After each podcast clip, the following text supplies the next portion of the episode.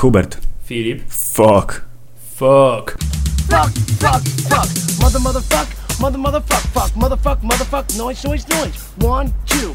One, two, three, four. Noise, noise, noise. Smoking weed, smoking weeds. Doing coke, drinking beers. Drinking beers, beers, beers. Rolling fatties, smoking blunts. Who smokes the blunts? We smoke the blunts. Rolling blunts and smoking.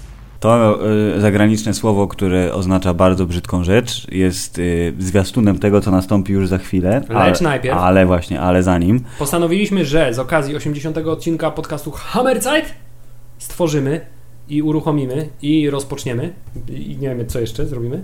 Y, Nowy cykl, nowy zainicjaliz- świetny cykl. Zainicjalizujemy. Podcast Hammerzeit cyklami stoi. Mamy takie znane cykle jak Sylwetki Wielkich Ludzi, jak Sylwetki Wielkich Ludzi oraz, Oraz- wiele innych. O tak. Oraz cała reszta podcastu. I do tej całej serii cy- cykli, cyklów, cykli dołączy cykl kolejny Mhm. i ten cykl będzie się nazywał Co sądzimy o różnych rzeczach? Więc co sądzimy o różnych rzeczach? Hubert, na pierwszy ogień pójdzie film Ninjago, który obejrzałeś ze swoim synem osobistym. Ale zapomniałem powiedzieć, że to będzie cykl ekspresowy, to znaczy 5 minut, tylko Dokładnie, szybko, dokładnie. o, o różnych rzeczach. Więc Lego Ninjago, go! Lego Ninjago. Zaskakująco dobry film ze stajni Lego. Stawiałbym go na równi, jak nie odrobinę nawet wyżej niż Lego Batman. Z tego oto względu, Jak to? że element zaskoczenia, bo Ninjago jednak nie jest tak znaną marką jak Tak. Batman, to jedno. Y, Dwa, jest w tym filmie Jackie Chan, co jest Mm. zawsze plusem. I trzeci powód, to jest film, który idealnie sprawdza się zarówno dla małych szkrabów, jak i dla dorosłych, bo jest zabawny, Mhm. ale jest i wzruszający i jest Mhm. wzruszający na takim poziomie, że film zarówno ja się wzruszyłem, jak i mój syn się wzruszył i to jest coś Wow. zupełnie niesamowitego. Dlatego polecam wszystkim, yy, aby obejrzeć ten film. Niekoniecznie w kinie, ale Ale można, nie ma ale wstydu. Można, nie ma wstydu. Dobrze się będziecie bawić. Wszystko jedno, czy macie lat 5 czy 55. I przy okazji jeszcze chciałem powiedzieć, że dubbing też całkiem daje radę. Y, Jest bardzo mało takich rzeczy, których ja nie lubię, czyli regionalizmów, nie? czyli że przerabiania dowcipów amerykańskich Mm. na realia polskie. No to pięknie. Ze zwiastunów wynikało, że to będzie y, spoko film i filmy Lego, jak rozumiem, 3 na 3 na razie. Jest, Myślę, że tak. jest dobrze. Tak, więc naj, najlepszy oczywiście pierwszy Lego, The Lego Movie, potem Yep. myślę Ninja Go i Batman gdzieś tam na ostatnim miejscu, ale nieznacznie. Dobrze, brawo, pięknie. To teraz, teraz ja. Mogę? Możesz, proszę. Hubert, taki film był dawno temu y, Kingsman, Tajne Służby, który się okazał być zajebiaszczą rozrywką i tak zwanym riffem na kinie szpiegowskim. Tak? Z pamiętną sceną, gdzie y, Colin Firth rozpierdziela cały kościół. Myślałem, że pamiętną sceną, gdzie pani księżniczka oferuje seks analny w zamian za uratowanie świata. Trivia. y, Kod do jej celi to jest anal pisany na klawiaturze numerycznej. Wysoki poziom żartu doceniamy. Yy, więc Kingsman, yy, proszę pana, nie dwa, tylko Kingsman Złoty Krąg, bo taki ma tytuł. Byłem, widziałem, jest to film dobry, ale nie aż tak dobry. Czyli chcieli to samo, tylko bardziej, jak to wiesz, sequeloza, ale taka porządna, czyli ej, macie tu więcej pieniędzy, zróbcie to samo, tylko zróbcie to trochę lepsze. I bardzo się starali i prawie wyszło, ale nie do końca wyszło. Lecz jest tam pan Javier Peña.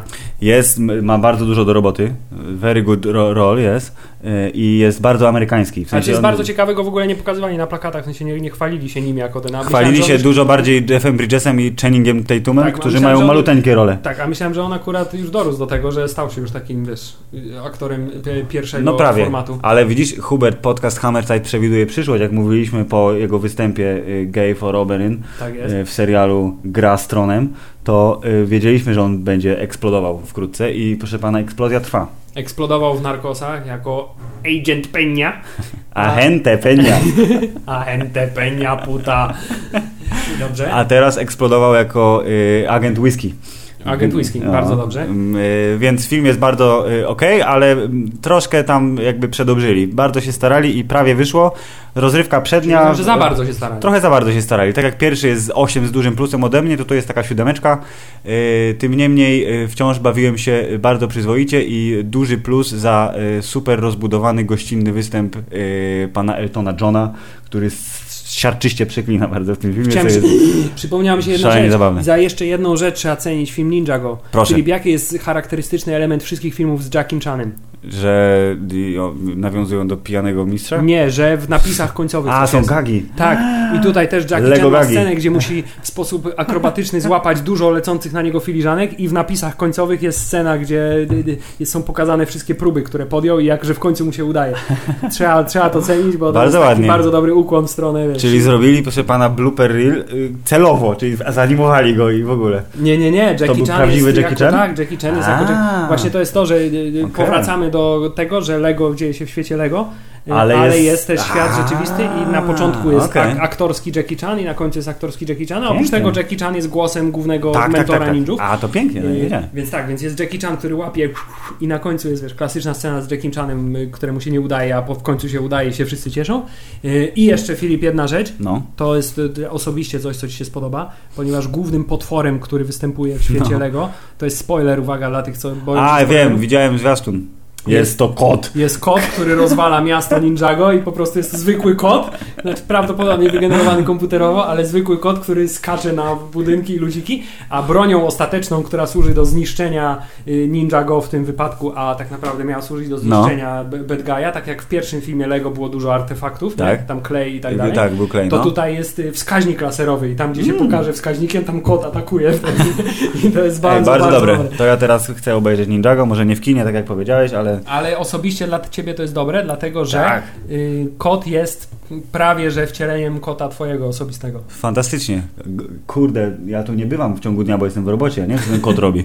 Damn it. Gdybyś miał taką makietę jak miasto Ninjago, to bym tu częściej przebywał na pewno. Kurde, może miałem, wiesz, tylko rozumiesz, kot ją rozpierdzielił. Dobrze, Filip. nie, Cyk, Walenty nie, jeszcze, jeszcze nie. Hubert, bo mieliśmy mówić 5 minut, już mówimy 6. Dobrze, no to właśnie to, co sądzimy o różnych rzeczach? Star Trek Discovery, nowy serial na platformie Netflix, który jest na platformie Netflix wszędzie poza USA. Pamiętasz, że oglądali, że obiecaliśmy naszym kolegom ze Star Treka, że będziemy go oglądać od razu jak się pojawi? Ja obejrzałem go od ja razu. nie obejrzałem go. Ale to razu. wie- 50% y, dotrzymania obietnicy jest Tak. okej. Zaskakująco dobre. Yy, Fajnie się to ogląda, wygląda jak jedyne skojarzenie, jakby jeżeli chodzi o stronę wizualną, które miałem, oprócz tego, że bardzo dużo biorą z filmów, czyli rozbłyski, kolorowe światełka i tak dalej. Lens flare. No oczywiście. To y, inny kosmiczny serial, dosyć świeży, to jest ten, który zaraz wejdzie na ekrany telewizorów, y, czyli nie, o, straszliwe Inhumans. Gdzie te wszystkie biedne, puste dekoracje z tektury versus to, co tam pokazali, to naprawdę Star Trek Discovery, y, jak to mówi Hubert Młodzież na dużym propsie. Jest trochę głupotek, ale na tyle mnie zaciekawił, że mnie jako nie Star Trekowego gościa yy, yy, Wciąg. wciąg trochę i chętnie go dokończę, szczególnie, że się będzie pojawiał elegancko raz w tygodniu na Netflixie. Widziałem Więc- jedną czołówkę na YouTubie i podobała mi się. Jest fajna, no, jest Myślę, minimalistyczna Netflix, i... Netflix dobrze, że tak powiem, yy, kontynuuje czuję, tradycję czuję. HBO tworzenia fajnych y, czołówek, a nie tylko y, pojedynczego ekranu z napisem i z dźwiękiem. Więc brawo Netflix y, slash CBS, które jest y, w Stanach nielubiane, bo każą się zapisywać za pieniądze do tej nowej streamingowej usługi. W każdym razie, y, czyli trzy rzeczy, o których sądzimy, że są spoko, wszystkie, znaczy trzy rzeczy były i o wszystkich sądzimy, że są spoko. O, to chciałem powiedzieć. Lecz W naszym nie nowym- jest tak super spoko. Ale nie jest aż tak super spoko, więc proszę pana 2,75 na 3. To jest ocena moja treści w nowym Różnych cyklu w rzeczy. Hammerzajcie, tak. Tak, i szanowni słuchacze, i to jest właśnie to, co sądzimy o różnych rzeczach. A tymczasem Mm, co, co- dzisiaj będzie działo, Hubert? Co się będzie działo? 80 odcinek. y, 80 odcinek Filip, jest to taka drobna y, jubileuszowa okazja. Tak. Y, nie jest to jeszcze okazja, wiesz, setnego odcinka. Ale spokojnie. Ale wciąż o. Filip, mamy, wiesz, więcej lajków na Facebooku niż odcinków podcastu, więc zgodnie z naszą obietnicą, dopóki tak będzie, będziemy podcast tworzyć. Bardzo mi się podoba ta obietnica, tak. tak.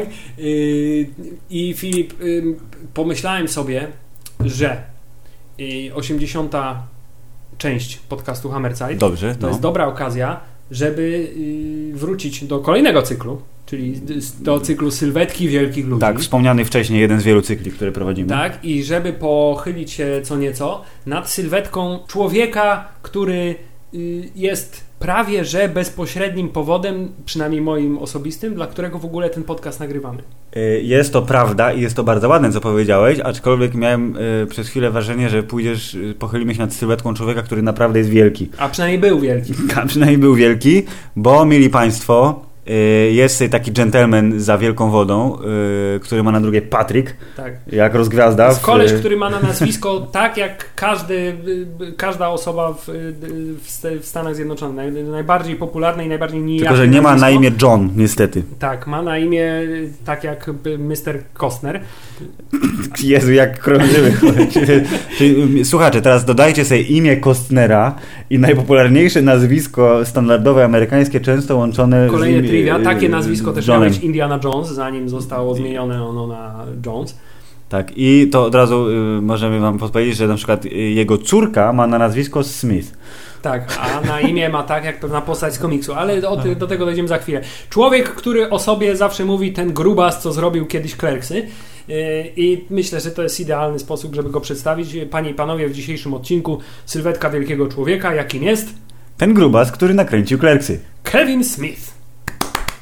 Filip, yy, filmowiec, yy, reżyser, aktor, podcaster, filantrop. yy, Poczekaj, jeszcze, jeszcze jest y, Komediant. i comic book writer i jeszcze public speaker, bo Tak jest. mam wrażenie, że on więcej razy występował na scenie opowiadając o tym, jak nakręcił filmy, niż faktycznie tych filmów nakręcił. Tak, i otóż to, i dlatego będzie trochę inna sylwetka, bo do tej pory jakby skupialiśmy się na jakichś takich postaciach mocno aktorskich i 90% czasu poświęcaliśmy temu, y, w jakich rolach wystąpił, jak bardzo nam się podobały filmy z tymi osobami. Tymczasem Kevin Smith nakręcił filmów parę, Wystąpił w, y, gościnnie w wielu filmach, ale to były role stricte epizodyczne. Y, napisał scenariusz do kilkunastu, nie wiem, może kilkudziesięciu komiksów. Y, nagrał miliard odcinków różnego rodzaju podcastów, otworzył sieć podcastową. Y, I, zrobił serial o gościach, którzy pracują w sklepie z komiksami. tak jest. Y, Otworzył sklep z komiksami, No, a następnie zrobił w nim serial, serial. który, w, w którym zatrudnił swoich kolegów z dzieciństwa. To też jest bardzo fajne. Krótko mówiąc, my aspirujemy do bycia kolegami Kevina Smitha i jednocześnie do bycia Kevinami Smithami, bo to Tak. jest wzór dla wszystkich nerdów na całym świecie, że jak się, nawet jak się jest grubym i niespecjalnie zdolnym i niespecjalnie przystojnym i niespecjalnie zabawnym, to można wykrzesać w sobie taką iskrę, żeby powiedzieć fuck you, robię co chcę, zupełnie jak Cartman, który udawał dziewczynkę w jednym z odcinków South Parku. Eee, I y, robi to co chce i robi to dobrze, no, a I przynajmniej robi- na tyle robi- dobrze, żeby być cholernie szczęśliwym. I cholernie szczęśliwym, cholernie bogatym i w ogóle się nie przejmować e, te- tak naprawdę niczym. E, Ale Filip, e, jednocześnie to bardzo optymistycznie powiedziałeś, ale z drugiej No. strony jesteśmy już w wieku dość jakby znaczącym, nie? My- my dwaj osobiście, tak, tak? osobiście, tak. I generalnie tak jak Kevin Smith zawsze dla mnie, nieco młodszego, był nadzieją, że zobacz, nawet takie beztalencie jak Kevin Smith zrobił genialną karierę, Aha. tak? I nawet takiemu grubasowi z New Jersey się udało, to nie ma żadnego powodu, żeby mi się nie udało. Tak, Tak, tylko że jemu tak się czekam. udało wcześniej, nie? właśnie tak czekam na ten mój big break i powoli zdaję sobie sprawę, że to moje myślenie zmienia się z takiego y, jemu się udało, to mi też się uda, na kurde, nawet jemu się udało, a, A mi się to nie nigdy już nie uda, to już jest koniec, depresja totalna. Y, i no nic, to co zrobić, no, ale to tylko taka moja, wiesz, smutna refleksja na początek, którą jakby chciałbym już... Bo właśnie, bo chciałem, właśnie Dlatego no, fuck you Kevin Smith za to, że dałeś nam, na, nam nadzieję na to, że możemy coś w życiu osiągnąć, a to jest wszystko nieprawda. To jest nieprawda, więc Kevin, jeśli tego słuchasz, tak.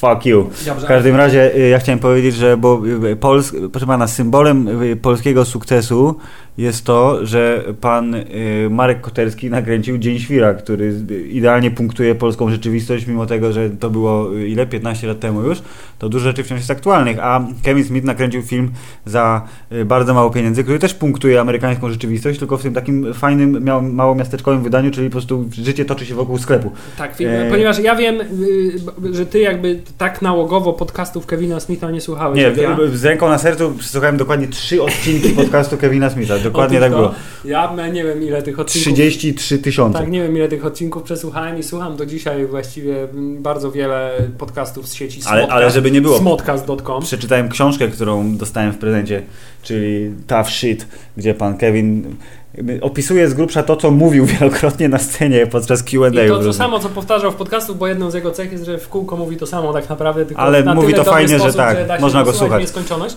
I tutaj Filip też musisz trącić, ja też mam tę książkę i moja książka jest dużo lepsza od Bo twojej, z jest z autografem. autografem Kevina Smitha. Jest to zupełnie coś e, niesamowitego. Dobrze, twój poziom nerdozy jest wyższy niż mój, no Ja tak. właściwie Kevino Smithowy, więc... Okej, niech będzie. Dobrze, tak czy siak Filip, ale to mówisz o tym y, jego big breaku, nie? Tak. Że Nie. wziął, dwa, pożyczył 20 tysięcy dolarów, jeśli dobrze pamiętam, taki był A budżet. właściwie nie pożyczył, tylko na, nabrał kart kredytowych, Tak. na które się zadłużył. Dokładnie, no czyli pożyczył de facto, no tylko że od banków. Tak, ale zacznijmy od samego początku. Zwykle y, najpierw zadaję Ci pytanie, kiedy pierwszy raz spotkałeś się z Kevinem Smithem? W sensie nie fizycznie, tylko poznałeś jego osobę. Też nie Y- fizycznie, tylko usłyszałeś o nim.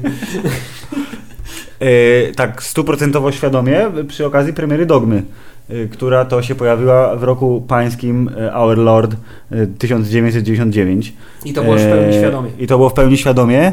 E, Wcześniej widziałem Mallrats, e, czyli na nasze szczury z supermarketu, ale nie wiedziałem, że to jest to. No i właśnie, i to jest, te, to jest to, że ja też miałem tak jakby, zapoznawałem się z Kevinem Smithem mocno y, stopniowo, to znaczy, pierwsze co pamiętam, to jest rzeczywiście film Mallrats, który leciał w telewizji Mhm. gdzieś tam późnym wieczorem na jakimś RTL 7 Tak, czy na czymś jakimś takim. kanale, którego nikt nie I ogląda. to był ten czas, kiedy ja sobie lubiłem, wiesz, wieczorem posiedzieć, rodzice mnie nie wyganiali do łóżka już, a ja sobie lubiłem posiedzieć i wieczorem oglądać różne filmy, które zawsze mi się wydawały bardzo ciekawe, bo to takie filmy, które zazwyczaj w ciągu dnia nie leciały. I jednym z tych filmów był Mallrats, który absolutnie mnie zau- zauroczył, ale głównie z powodu tego, że by- były tam postacie Jaya i Cichego Boba oraz, że było tam silne nawiązanie do wszelkiego rodzaju komiksów, które już w tym momencie bardzo zbierałem.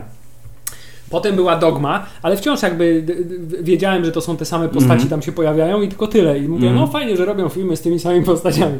Ja jestem młody, głupi. I, I dopiero tak naprawdę pierwsze świadome, kiedy się zainteresowałem, kim jest Kevin Smith, to jest tak naprawdę dopiero jego film Jay i Cichy Bob kontratakują i potem wszystko popłynęło, to znaczy y, zacząłem jakby, wiesz, nie? No, no, no. Odkrywać jego filmy, ale to dopiero jest pierwszy etap. Drugi etap dużo później i do tego wrócimy później. Pozwolisz, że na razie zawieszę. Dobrze. Hubert, zawieszaj, proszę pana, podcast Hammer cały, wiesz, trzyma słuchaczy w napięciu, nie wiemy do, dokąd dążysz, ale jesteśmy pewni, że puenta rozjebie nam mózgi. Nie, nic nie rozumiem, bo nie, nie mamy żadnych oryginalnych myśli tutaj. No więc F- Filip, y, Kevin Smith, Tak, y, skąd pochodzi? Z New Jersey.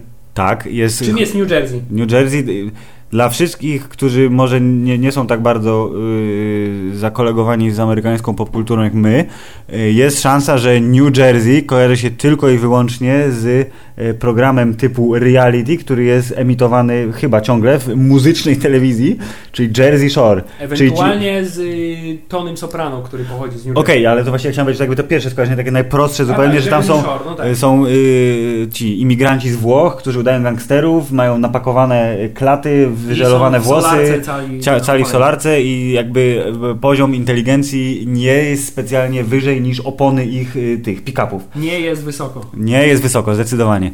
I drugi właśnie y, nurt to są te filmy, seriale, które się dzieją w suburbiach Nowego Jorku, bo nie, no proszę pana, bo jednak jakby, wiesz, bo my byliśmy w Stanach, nie, i przejeżdżaliśmy tam tymi drogami normalnie, więc New Jersey jest jakby to jest taki rak, który otacza Nowy Jork.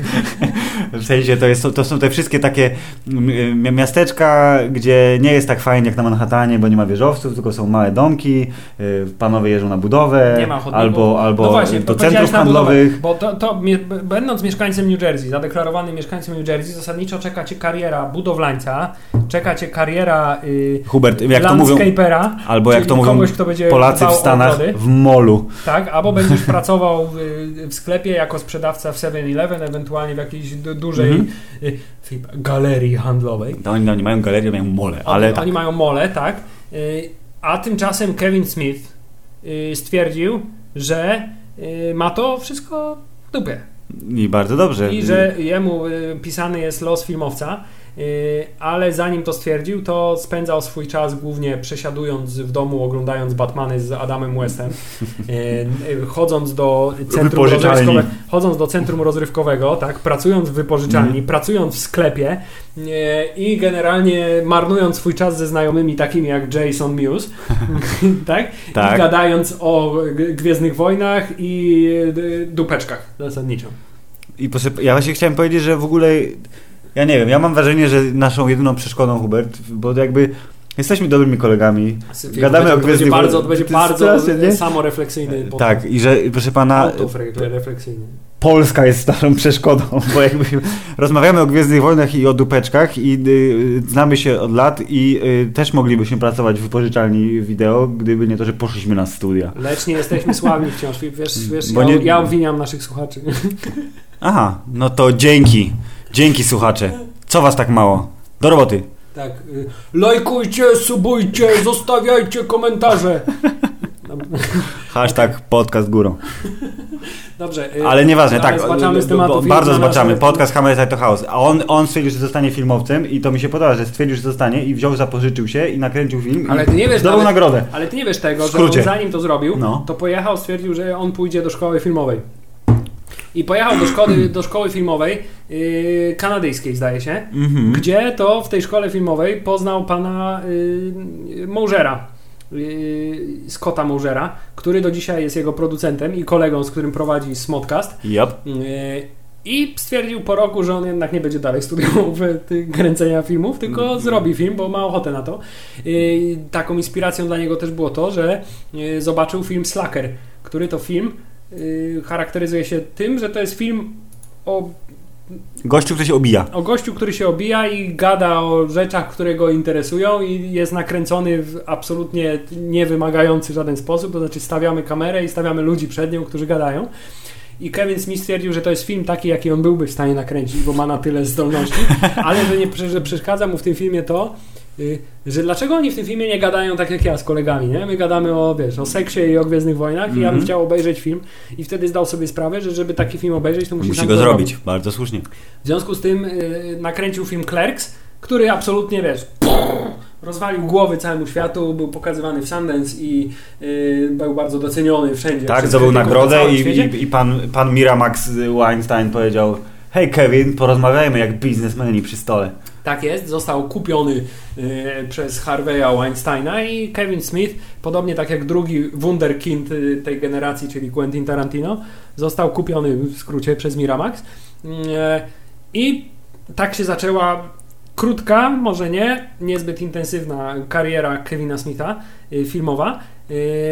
Ale tak, wszystkie jego filmy, które powstały, ja bardzo doceniam i to, Filip, co ja doceniam teraz, Tak. to jest to, że Kevin Smith jako jeden z pierwszych stworzył swoje uniwersum.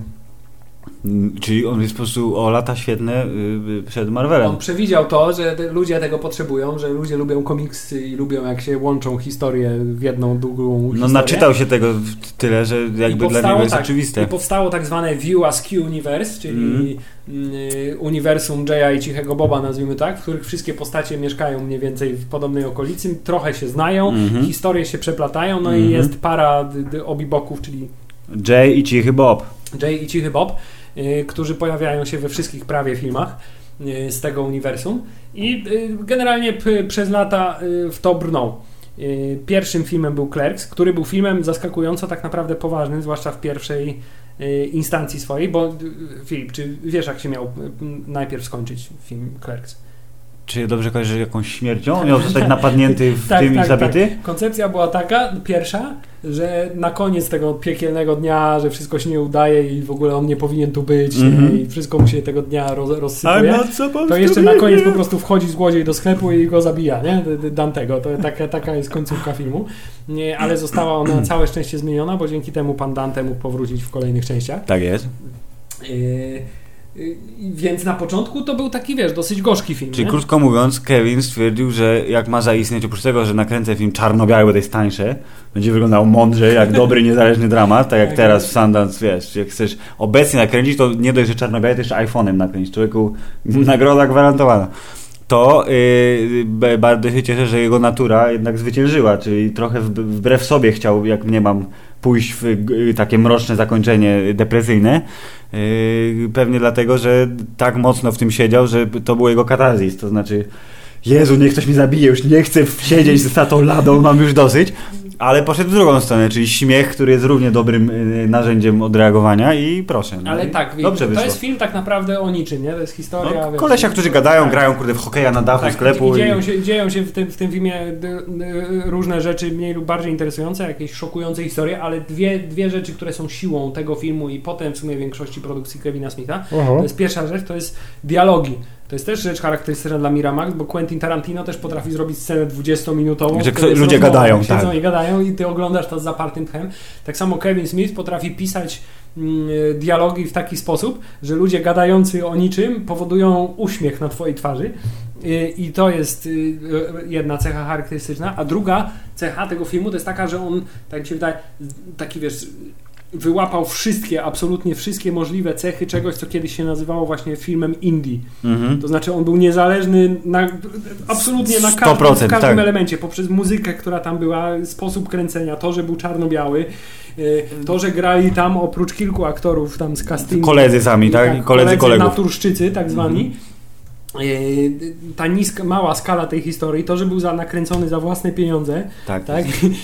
Wszystko, co w kinie indie jest charakterystyczne właśnie dla tego kina, tutaj zostało zawarte i stało się taką wizytówką tego kina na lata tak naprawdę. I bardzo słusznie, bo teraz proszę pana film indie, to ja myślę sobie, że jakbyś pojechał do Sundance, pogadał z jakimiś producentami, to by się okazało, że tu 500 tysięcy, tu bańka, czy coś tam, więc bez 5 milionów w ogóle nie zaczynasz kręcić takiego filmu, a to było 27 tysięcy dolarów pożyczone z banków, które nie wiedziały na co pożyczają, ale to były karty kredytowe, a jak wiadomo w 90 na początku lat 90 mogłeś pożyczać i nieważne, bo banki mówiły, masz, pieniądze leżą na ulicy. Przypomniałem mi się z jednego Q&A Kevin Smith, jak wiesz, tam ludzie zadają pytania, Mhm. to jeden taki poważny, wiesz, młody, ambitny filmowiec zawsze zwykle podchodzą i pytają, ej, mogę ci dać mój scenariusz do przeczytania, powiesz co o tym sądzisz, nie? I on zawsze powiedział, nie, spierdalaj, bo ja nie czytam. Nie, Ja swoje robię tylko, odmawiam, tak. Nie?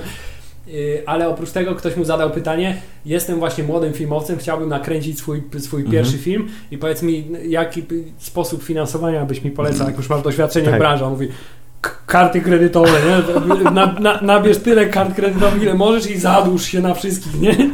Myślę, że nie wiem, czy to jest dobra porada akurat, jemu się udało, ale, ale czy to jest słuszna porada? No ale No, w 91 roku w Polsce byś nie był w stanie wziąć karty kredytowej i się zadłużyć. Jakby nie, niemożliwe to jest, ale y, w Stanach myślę, że tak. I gdybyśmy my, Hubert, tam byli, to jest szansa, że nasz, nasz super film był, miał większy trochę budżet, bo też byśmy się spróbowali zadłużyć. Może, żeby wiesz, była, była production value tak zwana. tak, Filip, ale żeby historia nie była taka zupełnie, wiesz...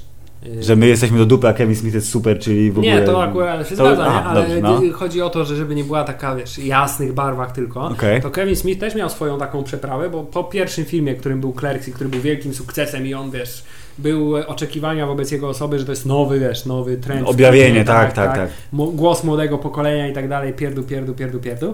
Y, To drugi film, który nakręcił, wydaje mi się, że jest filmem chyba najbliższym jego sercu. Tak, tak przynajmniej tak, tak to Mhm. odbieram.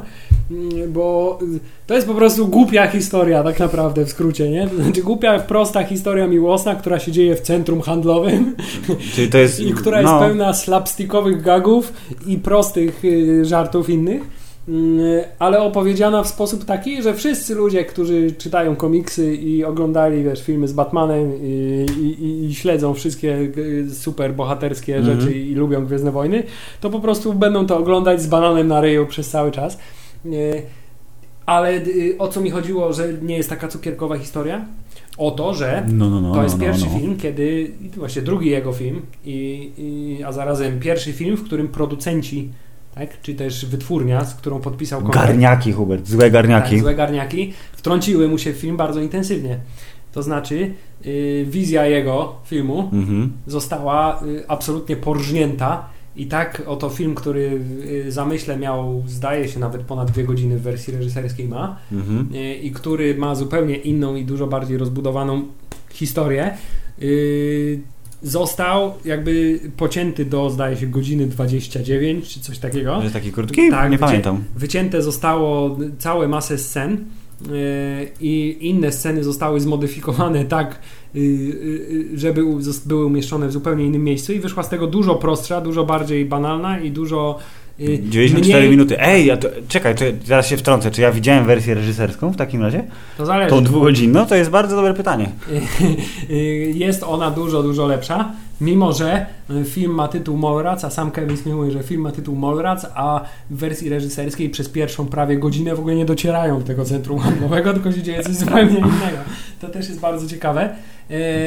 I, I to jest, widzisz, y, b- zdaje się, nie wiem, mógłbym chyba powiedzieć, że to jest mój No. ulubiony film Kevina Smitha, choćby z tego powodu, że jest właśnie taki, taki on jest taki serdeczny, no i Stanley w nim Czyli on jest je, jeszcze bardziej taki, jakby chciał nakręcić, bo y, dzięki sukcesowi pierwszego filmu, który był takim testowaniem wód, dostał dużo więcej pieniędzy na zrobienie właśnie- y, i właśnie to jest teoretycznie jedna fajniejszej, efektowniejszej historii, ale zrobił generalnie to samo, tylko że w kolorze i w ciekawszych dekoracjach, bo to było y, chyba prawdziwe centrum handlowe, Tak, prawda? mógł zrobić, wiesz, No. lepsze gagi, w związku Tak. z tym bardziej wyszukane, ale potem ten jego film został porżnięty. W kinach w ogóle się nie sprawdził, to Mhm. była klapa totalna, ale zyskał za to status filmu kultowego na VHS-ie.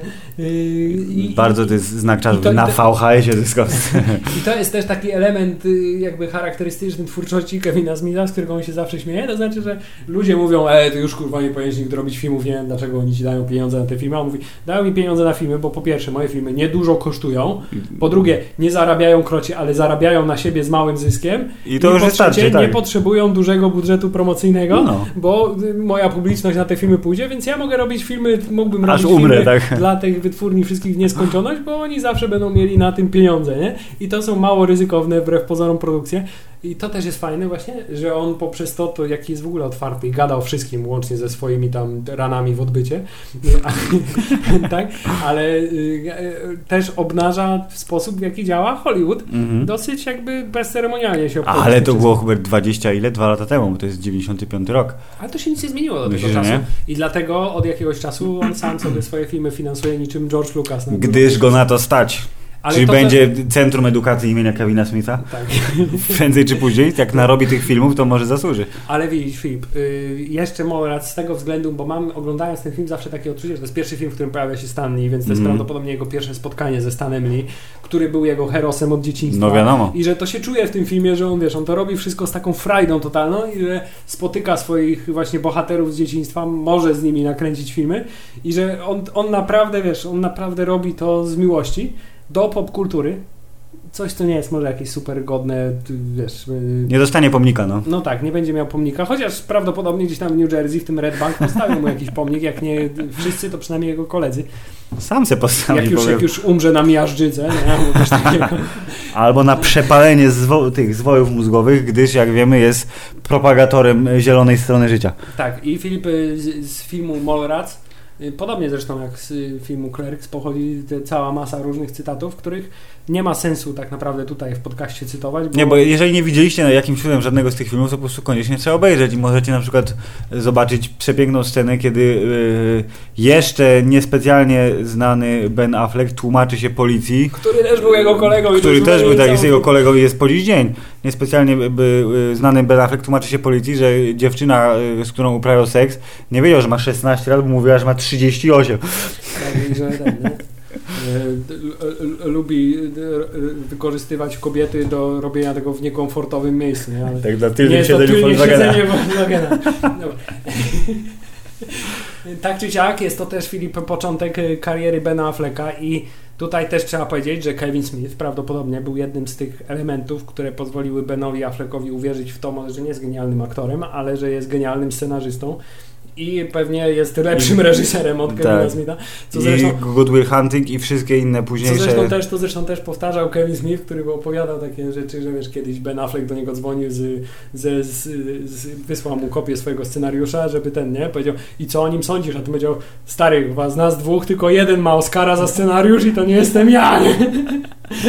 Więc, Ale no, to są więzy przyjaźni, które sięgają, wiesz, daleko, daleko ale do wstecz. tego, do tego stopnia, że nawet, wiesz, było podejrzenie, że tak naprawdę Kevin Smith był ghostwriterem Good Will Hunting, Mm. Zresztą sam to bardzo mocno dementował, nie? Tylko, No, no, że no. na zasadzie, że okej, pokazali mu i stwierdził, że on by nigdy w życiu takiej historii nie był w stanie napisać i że to wszystko jest, wiesz, tylko Matt Damon i Ben Affleck. Nie, ale tak, Filip, to, że jest bliskim kolegą Ben Afflecka, No zresztą, zresztą mieszka w domu, który był kiedyś Tak. domem Ben Afflecka. Przepraszam, strasznie dużo mówię, ale Nie no dobrze, to jest, to jest proszę pana your time to shine, więc to jest totalny opowiadaj. chaos dzisiejszy. Nie, tak, ale zatrzymaliśmy się na filmie Mallrats. Który jest ewidentnie filmem zrobionym y, y, dla siebie i dla tej wąskiej grupki fanów, która się stworzyła po premierze Mallrats. Y, wróć, po premierze Clerks. Y, I y, można płynnie przejść do filmu numer 3, który jest do dzisiaj chyba najbardziej poważnym i takim uniwersalnym, jeśli... No. Critically acclaimed. Critically acclaimed jest tak po polsku, jest filmem, yy, który też jestem, mam wrażenie, że też go widziałem jeszcze zanim miałem pełną świadomość, kim jest reżyser, yy, czyli w pogoni za Amy, I w którym też Który- występuje Ben Affleck, i w którym też występuje. Tak. y, Jason Lee, który też jest tak naprawdę wielkim odkryciem Kevina Smitha, bo to jest aktor, którego Ale jeśli chodzi o- jest absolutnie niewyczerpany. Jest totalnie nieograniczony, ale mam wrażenie, że Jason Lee jakby nie korzysta ze, z, z tej szansy do końca i, ostatnio jest bardzo rzadko widywany, a przynajmniej... Jest zbytnim scjentologiem, żeby... A może tak, może mu nie pozwalają. W każdym razie, jeżeli chodzi o to, że dajmy na to, Kevin Smith odkrył y, św- światu Bena Afflecka i odkrył światu Jasona Lee, to Ben Affleck jakby wyszedł na tym dużo lepiej. Tak jest. I, i Poza tym, przepraszam, jeszcze Batman z wąsami, tak? Jakby Jason nie miał być Batmanem? Nie, Ben Affleck jest Batmanem. Dobrze. E, w każdym razie Chasing Amy to jest taki film, który porusza nie, nie takie... takie piękne, jak no. Batfleck został Batmanem i jak Kevin Smith, jak on w Jak swoim podcaście na temat y, Fatman on Batman, jak on się cieszył, że Ben Affleck jest, jest, jest, jest, jest, jest Batmanem, że on jest idealnym aktorem, ale że to nic nie znaczy, bo dla niego Ben Affleck jest idealnym aktorem do, Tak. każdego, do każdej roli. Zagrałby rekina w szczękach, tak? właśnie, Wielokrotnie że, powtarzam. Tak, że zatrudniłby go w szczękach i by gra zagrał rekina, bo by potrafił, bo Ben Affleck potrafi zagrać wszystko.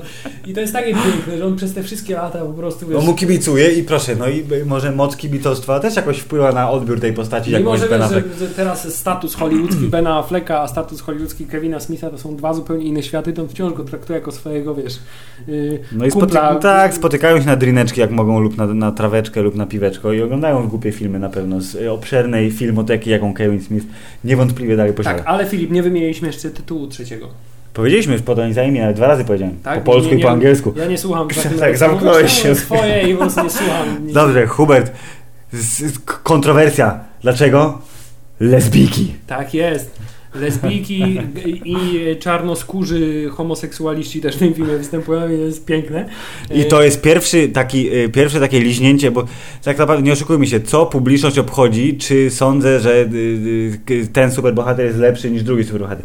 Lesbijki albo już za chwilę religia, proszę pana, to są tematy, które wywołują prawdziwe poruszenie społeczne i w dobrym momencie kariery to zrobił. W sensie, po tym jak już rozpoczął dobrze bardzo, potem poszybował trochę na karierze tego y, zbudowania na, na popularności pierwszego filmu i potem wlazł w tematy takie, żeby ej, poszerzę swoją bazę fanów, tak? Wyjdę z y, tematyką gdzieś dalej, żeby mówili o mnie w gazetach, że nakręciłem taki a taki film. Przecież jakieś tam organizacje y, e, LGBT się trochę oburzyły, że niby lesbijka tylko potrzebuje dobrego faceta, tak? To Tak. wynika z tego filmu. Nie, bo to było tak, że tam jest właśnie Jason Lee, który gra, gra kolegę yy, Bena Afflecka, Mhm. który nazywa się yy, nie Brody, tylko...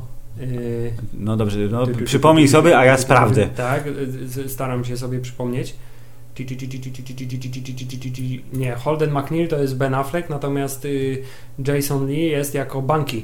Tak, Bunky i Holden, y, który zasadniczo Kevin Smith opowiadał. Rzeczywiście, ta postać w tym filmie mówi, że tak, lesbijka potrzebuje tylko dobrego fiuta zasadniczo, żeby, Tak. żeby być szczęśliwa w życiu, ale on mówi, to ludzie są chyba niezrozumieli, bo przecież to jest człowiek, który w tym filmie przez cały czas się myli. To jest taki idiota tego Tak. filmu, który zawsze mówi źle i wszystko robi źle, tak? I to, że on tak mówi, to właśnie jest przeciwieństwo tego, że Dokładnie. reżyser tak myśli tego filmu. Ale nie miał tego za złe nikomu. Szczególnie, że jego brat przecież jest y, homoseksualistą, brat w sensie Kevina Smitha Tak i on jest. jego chyba największym kibicem w ogóle ever i wszystko co Kevin to mówi jest super i Chasing Amy jest super i on pokazuje tak, tak wygląda ten świat i to jest I, okej. Filip, I tutaj, ponieważ to jest sylwetka wielkich ludzi, to musimy za każdym razem podkreślać wizjonerstwo. I zobacz, mówiło się o tym, że yy, Brokeback Mountain to jest taki film pierwszy, który pokazuje, wiesz, taką historię miłosną, yy, ale w wydaniu homoseksualnym, a tymczasem lata świetlne wcześniej Kevin Smith y, poruszył temat dużo trudniejszy, bo osoby, która teoretycznie jest y, zadeklarowaną homoseksualistką, Mhm. tak, ale która mimo to y, nagle pojawia się uczucie do osoby płci przeciwnej i to uczucie każe jej kwestionować dużo rzeczy w swoim życiu, tak samo jak y, oso- postać grana przez Bena Afflecka też musi zakwestionować dużo rzeczy w swoim życiu do tego stopnia, że pod koniec wpada na pomysł, żeby y, zrobić trójkąt z, y, trójkąt z y, swoją dziewczyną lesbijską i swoim kolegą, który ma jakieś tam homoseksualne inklinacje w stronę Bena Afflecka. Y, czyli coś, co w ogóle jest jeszcze dużo bardziej skomplikowane Tak. i trudniejsze, a cała e, akcja polega na tym, że to jest podane w sposób tak lekki i tak zabawny, No bo to jest ciągle komedia, no. Otóż to, że gdzieś te poważne tematy się przewijają, ale nie przytłaczają cię.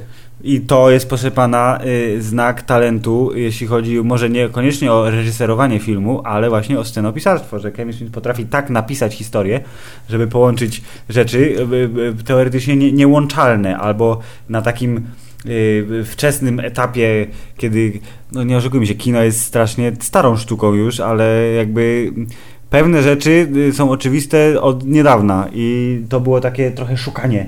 Y, I właśnie, jak powiedziałeś, był pionierem, proszę pana, i to się chwali. Tak, i to jest z kolei film, który jest bardzo, bardzo doceniony przez wszelkich krytyków i tutaj pojawił się ten pierwszy głos, że patrzcie, jak Kevin Smith nie dostanie budżetu, bo tutaj znowu miał skromny budżet na ten Mhm. film, to potrafi zrobić super historię, natomiast jak dostanie trochę większy budżet, To patrz robi- tak, to robi tak, to padakę. robi historię rozwleczoną, która właściwie nie wiadomo do, do czego prowadzi i o czym do końca opowiada. Yy, Co nie zmienia faktu, że ci, co doceniają twórczość Kevina Smitha, to widzą geniusz we wszystkich tych jego filmach, naprawdę. Yy, Więc tak, Chasing Amy pokazało Filip jeszcze raz światu, że wiesz, Ben Affleck jest genialnym człowiekiem. Yy, Mhm. Pokazało światu, że można opowiadać trudne historie w prosty, zabawny sposób. Mhm. Y, i pokazało światu, że takie środowisko komiksowe też może wiesz, przeżywać poważne, dy, poważne dy, dy, dylematy moralne. A czy y, Banksy Edwards został gejem później też?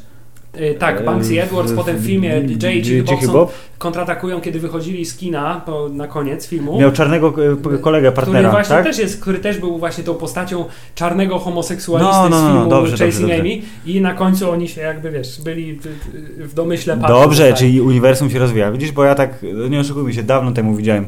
Ostatni film Kevina Smitha, jaki widziałem, y, to był Kieł, który oglądaliśmy wspólnie. Ten Y, Tytuł polski w ogóle nie oddaje te, tego charakteru tego filmu. Do tego filmu dojdziemy za chwilę, kiedy przejdziemy Tak, do się- To jest właśnie to jest zajebisty przykład kariery. Zaczynam, zaczynam skromnie, y, piszę o tym, co wiem, a potem jak im więcej pieniędzy i więcej fanów mam, to zaczynam robić takie filmy, na które bym nikt w życiu nie wpadł. O facecie, który zostaje przerobiony na morsa. Ale nie uprzedzajmy faktów, jak mawiał Bogusław Wołoszański.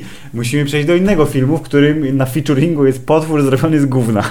Ty- Tym razem tak jest demon, demon zrobiony z Tak. gówna. y, Tak, gumowy demon zrobiony z gówna. To znaczy filmu, który jest chyba yy, w karierze Kevina Smitha takim najbardziej kontrowersyjnym filmem, z Mhm. tego względu, że porusza tematy religijne, a Mhm. konkretnie y, religii y, katolickiej.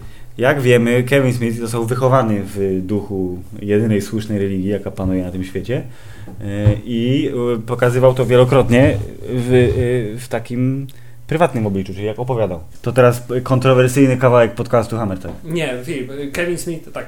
Kevin Smith, wychowany w rodzinie katolickiej, y, chodzący do katolickiej szkoły, Mm. y, stwierdził, że w swoim życiu, zresztą tak jak widzisz, we wszystkich filmach inspirował się tym, co robił dotychczas, czyli gadał o seksie i Gwiezdnych Wojnach, to Mm. oprócz tego, że gadał o seksie i Gwiezdnych Wojnach, to słuchał dużej liczby zakonnic, które mówiły mu, że nie wolno się dotykać pod kołdrą w nocy. Mm, co też zresztą czynił bardzo intensywnie. E, I stwierdził, że musi się zmierzyć z tematem religii Bardzo i że słusznie. musi to zrobić na swój charakterystyczny sposób, to znaczy sprowadzić religię do poziomu potwora gumowego, gównianego Tak. i sprowadzić y, Boga do postaci dziadka, który snuje się po świecie że, i ogląda sobie ludzi grających w hokeja na rolkach. Y, y, I sprowadzić wszelkie inne postaci religijne w stylu Jesus Christ, w stylu y, apostołowie, y, w stylu różnego rodzaju muzy i inne anioły, do takich totalnie karykaturalnych y, postaci, ale mimo to bardzo szczerych w swoich intencjach. I cechą charakterystyczną filmu Dogma jest to, że tam chyba ta intryga jest najbardziej rozbudowana ze wszystkich. Tak, bo przecież to jest chyba jedyny film, w którym, no nie, przepraszam, są dwa takie filmy, ale ten jest najbardziej, najbardziej jedynym filmem, gdzie stawką jest tak naprawdę koniec świata. Tak. Przecież. E, Koniec więc świata, mówimy o film. fantastyce. Tak, bo mamy dwa anioły, które zostały z nieba strącone za nieposłuszeństwo i które wylądowały na ziemi. New I- Jersey. Tak, w New Jersey i lubią sobie przesiadywać na lotniskach i rozmawiać o różnych rzeczach. I anioły cechą charakterystyczną ich to, że nie mają genitaliów, więc nie mogą nawet nikogo przelecieć. Mhm. I, I tymi aniołami, Filip, są Są super Oczywiście. słynni zdobywcy Oscara. No właśnie, Ben Affleck i Matt Damon zaraz po swoim sukcesie y, jako Good Will Hunting i kolega, tak? Jako scenarzyści. tak. Good Will Hunting and Friend. tak jest, y, którzy pojawiają się tutaj jako para aniołów. Y, I tutaj jest też twist fabularny, bo anioł, który na początku jest takim, czyli Matt Damon, który jest prowodyrem tej całej, tego całego buntu i akcji pod tytułem y, wy, wykorzystamy lukę w prawie katolickim, Tak. żeby wrócić do nieba. Mhm. Y, y, y, Potem jakby role się odwracają i to Ben Affleck nagle staje się tym ześwirowanym aniołem, który chce wykończyć ludzkość. Nie. Tak. Ale tak, y, wszystkie postaci są absolutnie karykaturalne i tutaj Filip Kevin Smith miał pierwszy raz styczność z wielkim aktorem Alanem Rickmanem. Który został jego kolegą potem i przecież się musiał żegnać z nim, tak jak cały świat. Ale Alan Rickman jako jedyny pokazał brak penisa. Tak jest, bo, bo, Be, ben i Matt nie. tak, robiąc to w sposób bezceremonialny, to znaczy został po prostu oblany y, czymś, w związku z tym musiał zdjąć spodnie i I pokazał Pokazać taki- tak, takie- Kendall. Jak Kendall, tak. Y, I tutaj Filip, anegdota. Y, Kolega Jason Mewes, Mhm. który w tym filmie mm, ma dosyć poważną rolę. Patrzą, zresztą w ogóle Jay i chyba w tym filmie mają dość poważną rolę, jak na do tej, dotychczasową swoją karierę, a Jason Mewes zwłaszcza ma bardzo dużo kwestii. Mhm. Y, Jak wszyscy wiemy, Jason Mewes jest y, obecnie y, narkomanem na odwyku. Tak. A wtedy, za czasów Dogmy i za czasów Molraców i za czasów... Jadł ich bardzo dużo. tak, był bardzo, bardzo intensywnym narkomanem. I zresztą Kevin Smith też mu pomógł wyjść z tego. To też jest wielka. wielka Dobry kolega. jest Bardzo dobry kolega. I tutaj jest taka anegdota, że Jason Mewes, który nigdy nie potrafił zapamiętać żadnej kwestii i nie potrafił nigdy zagrać nic porządnie. Tak. Przed kręceniem dogmy Kevin Smith powiedział: Słuchaj, stary, do tej pory było lekko, Ale, ale, teraz. z, będzie z nami występował wielki aktor szekspirowski Alan Rickman i wiesz, z nim takie akcje, że zapominasz tekstu albo coś nie przejdą, on się wkurzy na ciebie po prostu, nie? Więc weź się lepiej przygotuj. I generalnie przez cały film Jason Mewes nie popełnił ani jednej gafy, nic źle nie za- zapamiętał cały tekst i powiedział, ty stary, co się z tobą stało, że ten, No. mówi, no nie chciałem wkurzyć tego Rickmana, nie? Zasadniczo Alan Rickman No ej, no taka persona, ja się wcale nie dziwię. tak, i właśnie tutaj jest, że zawsze w każdym filmie następuje ten moment, kiedy cichy Bob wypowiada swoją kwestię. Tak. I tutaj właśnie y, zwykle było tak, że to Kevin Smith trofował Jasona Mewsa, że wiesz, mu coś nie wychodzi. I mają scenę z Rickmanem, w którym Kevin Smith musi wypowiedzieć swoją kwestię. Zapomniał tekstu.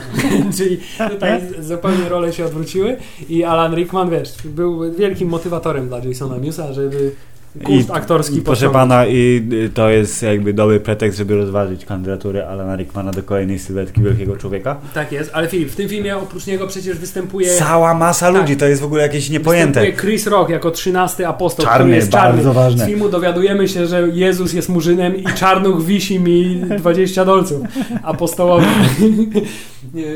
No, no jest... Dowiadujemy się przede wszystkim, że Tak. Bóg jest kobietą i jest Alanis Morissette jest Tak, Bogiem. bo tak? wspomniany Bóg przez ciebie staruszek zostaje zadźgany przez tych bzyczących demoników, nie? Jeżdżących na, na tak, rolkach. Którzy są e, posłańcami demona Azazela. Azazela. Azazela, przepraszam. Tak, Tak, Azazel? Dobrze pamiętam? Tak, Właśnie? Azazela, tak, Azmodan to jest Diablo, to myśl tak. Azazela, który y, bardzo kibicuje naszym upadłym aniołom, żeby wykonały te wolty. Źle, Azrael, patrz. Azrael. Obaj się pomyliliśmy. O Azrael, czyli demon, który też w Batmanie występuje jako a, zemsty. Nie, Demon. Y, Dobrze, Okej. tak czy siak. y, Intryga jest bardzo znacząca, bo chodzi o to, że z okazji otwarcia nowego kościoła, zdaje się coś takiego. Jak jest, przejdziesz jest przez próg kościoła, to odpust, tak. wszystkie grzechy zostają odpuszczone. Tak Z jest. automatu. Zostaje tak. Z tego filmu też zresztą pochodzi nowy wizerunek Jezusa Chrystusa, który już nie jest umęczony na krzyżu, tylko, Tylko jest twoim twoim- kolegą. Hej, jest hej. twoim kolegą. Ale y, ten właśnie, tę właśnie lukę chcą wykorzystać anioły strącone na ziemię, to znaczy najpierw sobie obetną skrzydła żeby zostać ludźmi, zostaną Tak. im grzechy odpuszczone, następnie się y, zostaną zabite, bo nie mogą popełnić samobójstwa, bo to jest grzech śmiertelny, tylko zostaną zabite przez policjantów i trafią do nieba. Idealnie. Świetny plan. Tak. I te, minus tego jest taki, tego planu, że oznaczałoby to, że Bóg nie jest nieomylny, W związku z tym nastąpiłby koniec świata, bo Tak. podstawą istoty istnienia świata jest to, że Bóg jest nieomylny. Yy, Bogiem jest Alanis Morissette i jest ta scena, która po prostu wywołała mnie histeryczny śmiech, kiedy ją pierwszy raz zobaczyłem. No. To znaczy, kiedy pojawia się Bóg i Jason Mewes pierwsze co, to daje wielką nie, wiązankę w stosunku bo, do, do, do Boga. Przed, okej. Staje przed Bogiem i mówi What the fuck is this shit? Who the fuck are you lady? What the fuck happened to this guy? Po prostu strasznie przeklina w obecności Boga. Tak, ale potem trzeba mu szybko zasłonić uszy, bo przecież głos Boga jest ym, śmiertelny dla, Dla- wszystkich, dla którzy nie są aniołami. Tak jest. E, Generalnie cała masa genialnych pomysłów, cała masa genialnych konceptów, e, cała masa fantastycznych aktorów w tym filmie. Tak, Salma Hayek, George Carlin, ulubiony komik Kevina Smitha przecież też występuje. Też Jest y, gościnny występ Carrie Fisher przecież w, w Dogmie. Więc normalnie Jezus Maria. Jezu, Jezus Maria, cała masa. Bo trzeba, trzeba religię, nawiązywać do religii trzeba ciągle.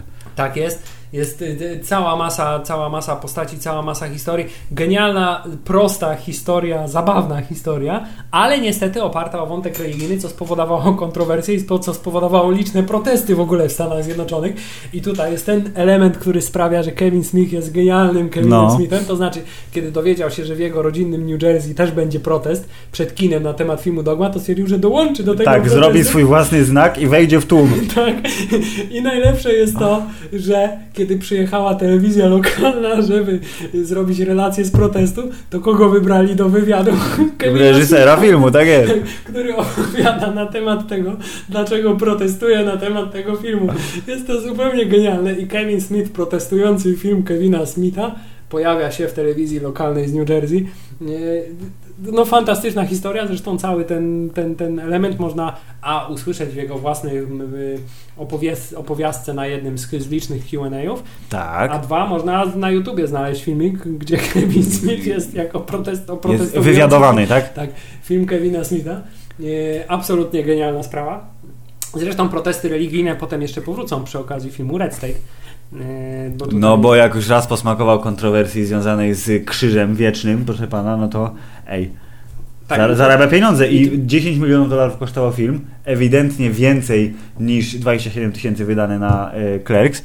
Zarobił 30 baniek, więc to jest e, automatycznie dowód na to, że a kontrowersja zarabia pieniądze i b nawet te 30 milionów dolarów dla włodarzy wytwórni są doskonałą e, doskonałym prognostykiem, jak to się ładnie mówi, na przyszłość, czyli ej, zarobiłeś dużo pieniędzy, masz kolejne, zrób kolejny film. Tak, i po filmie Dogma y, Kevin Smith stwierdził, że jest czas zrobić teraz co? Jego film życia, czyli i Cichego Boba. Tak, to znaczy, że wreszcie dojrzał do filmu, w którym y, postać dwóch y, ćpunów, y, którzy, Którzy i byli na boku, narkotykami, którzy, tak, którzy byli dodatkiem zabawnym do każdego filmu i jakby duszą każdego tego filmu To dostaną swój własny film, gdzie będą głównymi bohaterami. i zrobi film autoparodystyczny, to znaczy zrobi film o tym, że y, w Hollywood robią film na temat Jaya i Cichego Boga i Boba i Jay i Cichy, i Cichy Bob jadą do Hollywood I powstrzymać ten film i występują w tym filmie wszystkie postaci, prawie że wszystkie postaci z poprzednich filmów, i, które puszczają oko do siebie nawzajem, do widza, do wszystkich.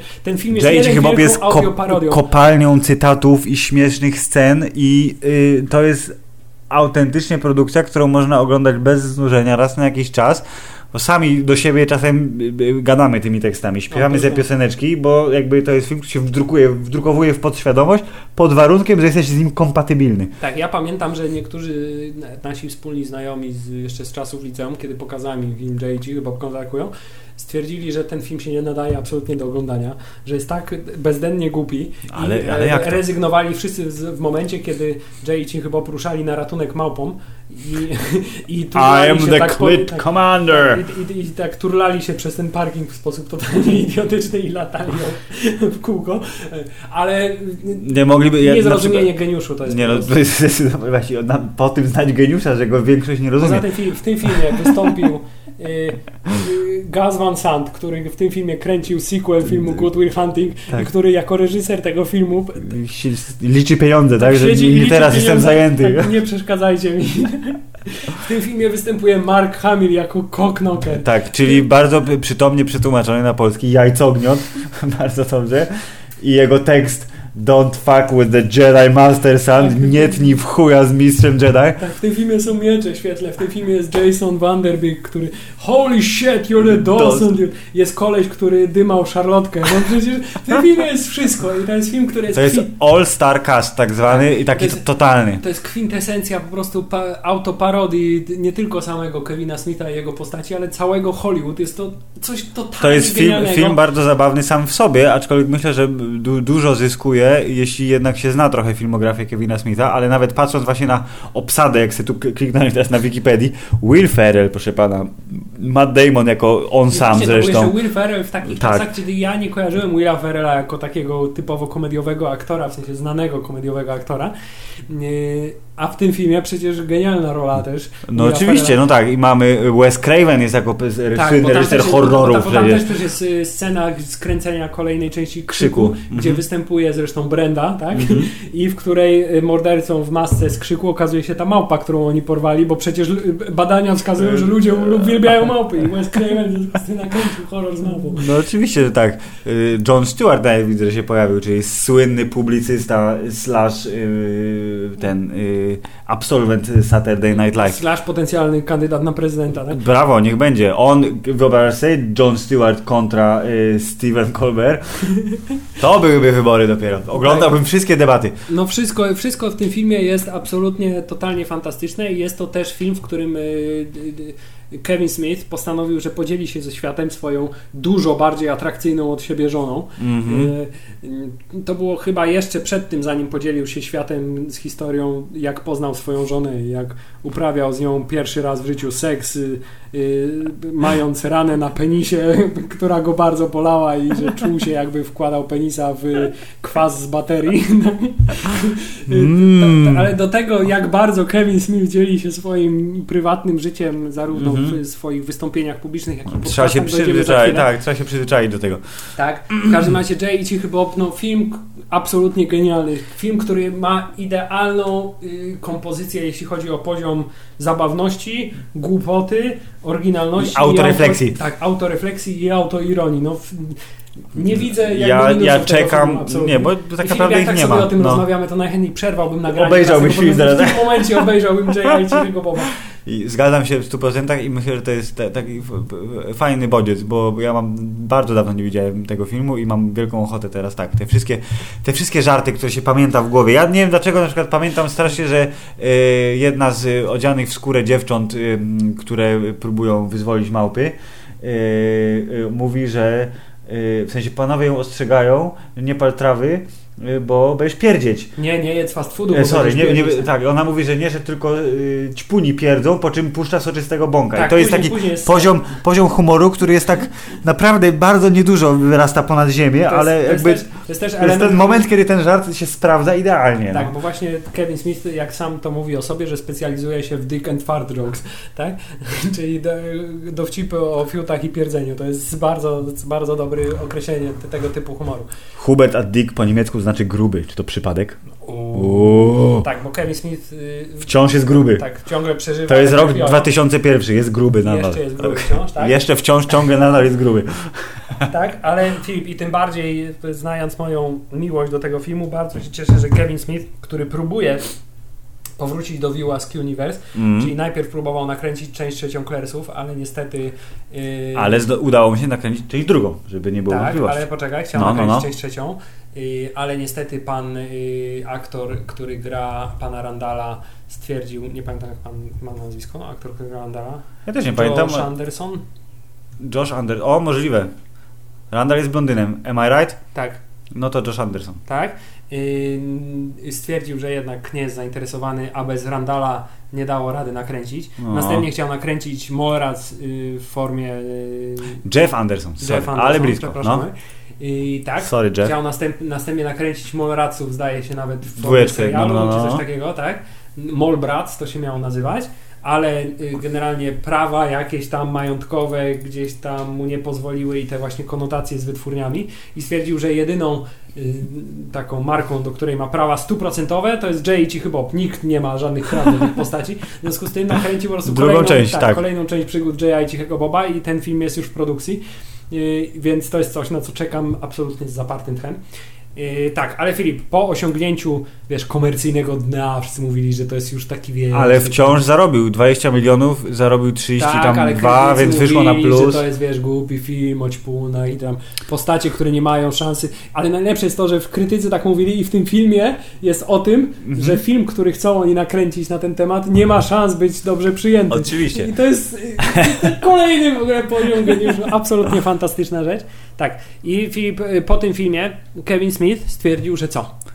Że trzeba odpocząć i nakręcić y, kameralny film rodzinny? I wtedy dopiero się zaczęła, że tak powiem, ujadłość krytyków. Filip, muszę ci się przyznać, No. to jest jedyny film Kevina Smitha, którego nie widziałem. Nie widziałeś Jersey Girl? Nie widziałem Jersey. Ciągle nie widziałeś go. To ja Nie widziałem ten film. Ej, on To jest... w takim razie opowiedz mi co nieco na temat tego filmu. Ja tylko wiem o tym filmie tyle, że Kevin Smith What? uznaje go za swój ulubiony, w sensie najlepszy film, jaki stworzył, ale jednocześnie wie, że to jest najbardziej nieudany film, jaki stworzył. Yy, bo w żartach nawet się pojawia, że to jest Żyli 2, bo Ben Affleck y, gra tam y, u boku Jennifer Lopez, która była wówczas jego życiową partnerką. I, która została w pewien sposób jakby wymuszona przez niego, żeby się pojawiła w tym filmie. No i pewnie tak, bo jednak już wiesz, star power miał odpowiedni. Yy, y, Jersey Girl jest, to jest taki przyjemny, miało mas- No tak, bo to był przecież sam środek czasów Benifer. No, więc to jest taki przyjemny, małomiasteczkowy film o y, znaczeniu rodziny, mi się, nie? że, Ale... Ben Affleck występował nawet przecież w teledysku Jennifer, Jennifer Lopez, tak. i A ją ja, całował w pośladek. a ja nie wiedziałem, że oni są wtedy razem i ja tak mówię, łe, Ben Affleck, znany aktor występuje w teledysku Jennifer Lopez. A to mi się wydaje, że było jeszcze, właśnie nie wiem, czy to było jeszcze Ja za to- czasów 30 ton lista lista, Myślę, kiedy takie mogło- teledyski tak, mogły się pojawiać. Mogło być, bo to było Jenny from the Block. Tak, i pamiętam, że tylko z tego teledysku pamiętam to, że on ją całował w tyłek na, Że na na, na na, swoim tak. prywatnym jachcie. I serią cholerni amerykańscy bogacze. Hubert, po co nam ta wiedza? Czemu pamiętamy takie rzeczy? Po- Ale, powiedz ale nie pamiętamy jak się na przykład y, robi, jak się oblicza pochodne, nie? Ale, Si- Silnia. Hubert, ta wiedza zajmuje w mózgu miejsce dużo przy, przydatniejszych ja, rzeczy. nie mam, ale- ja nie mam wspomnień z dzieciństwa po, po, poniżej 10 roku życia, ale pamiętam takie rzeczy. To jest niestety jakieś Dobrze, Hubert. pato, patologiczne działanie na mojego mózgu. E, Jersey Girl to jest taki film o tym, że tata e, robi pieniądze, bo jest, wiesz, e, wziętym chyba adwokatem, nieważne, w każdym razie pracuje w dużym mieście i ma córkę, e, która niespecjalnie go lubi, bo to taki jest, to jest taki film pod tytułem Jest rodzic, ta, to dziecko z tym rodzicem nie bardzo, ale on musi znaleźć w sobie siłę i zrozumieć, że wiesz, nie jest ważne te pieniądze i te wszystkie wielkie miasta i te wieżowce, tylko że bądź ze mną w tym małym mieście, tu masz przyjaciół, tu masz potencjalną nową partnerkę i jest wszystko spoko. Jest George Carlin, nie? To też jest ważne.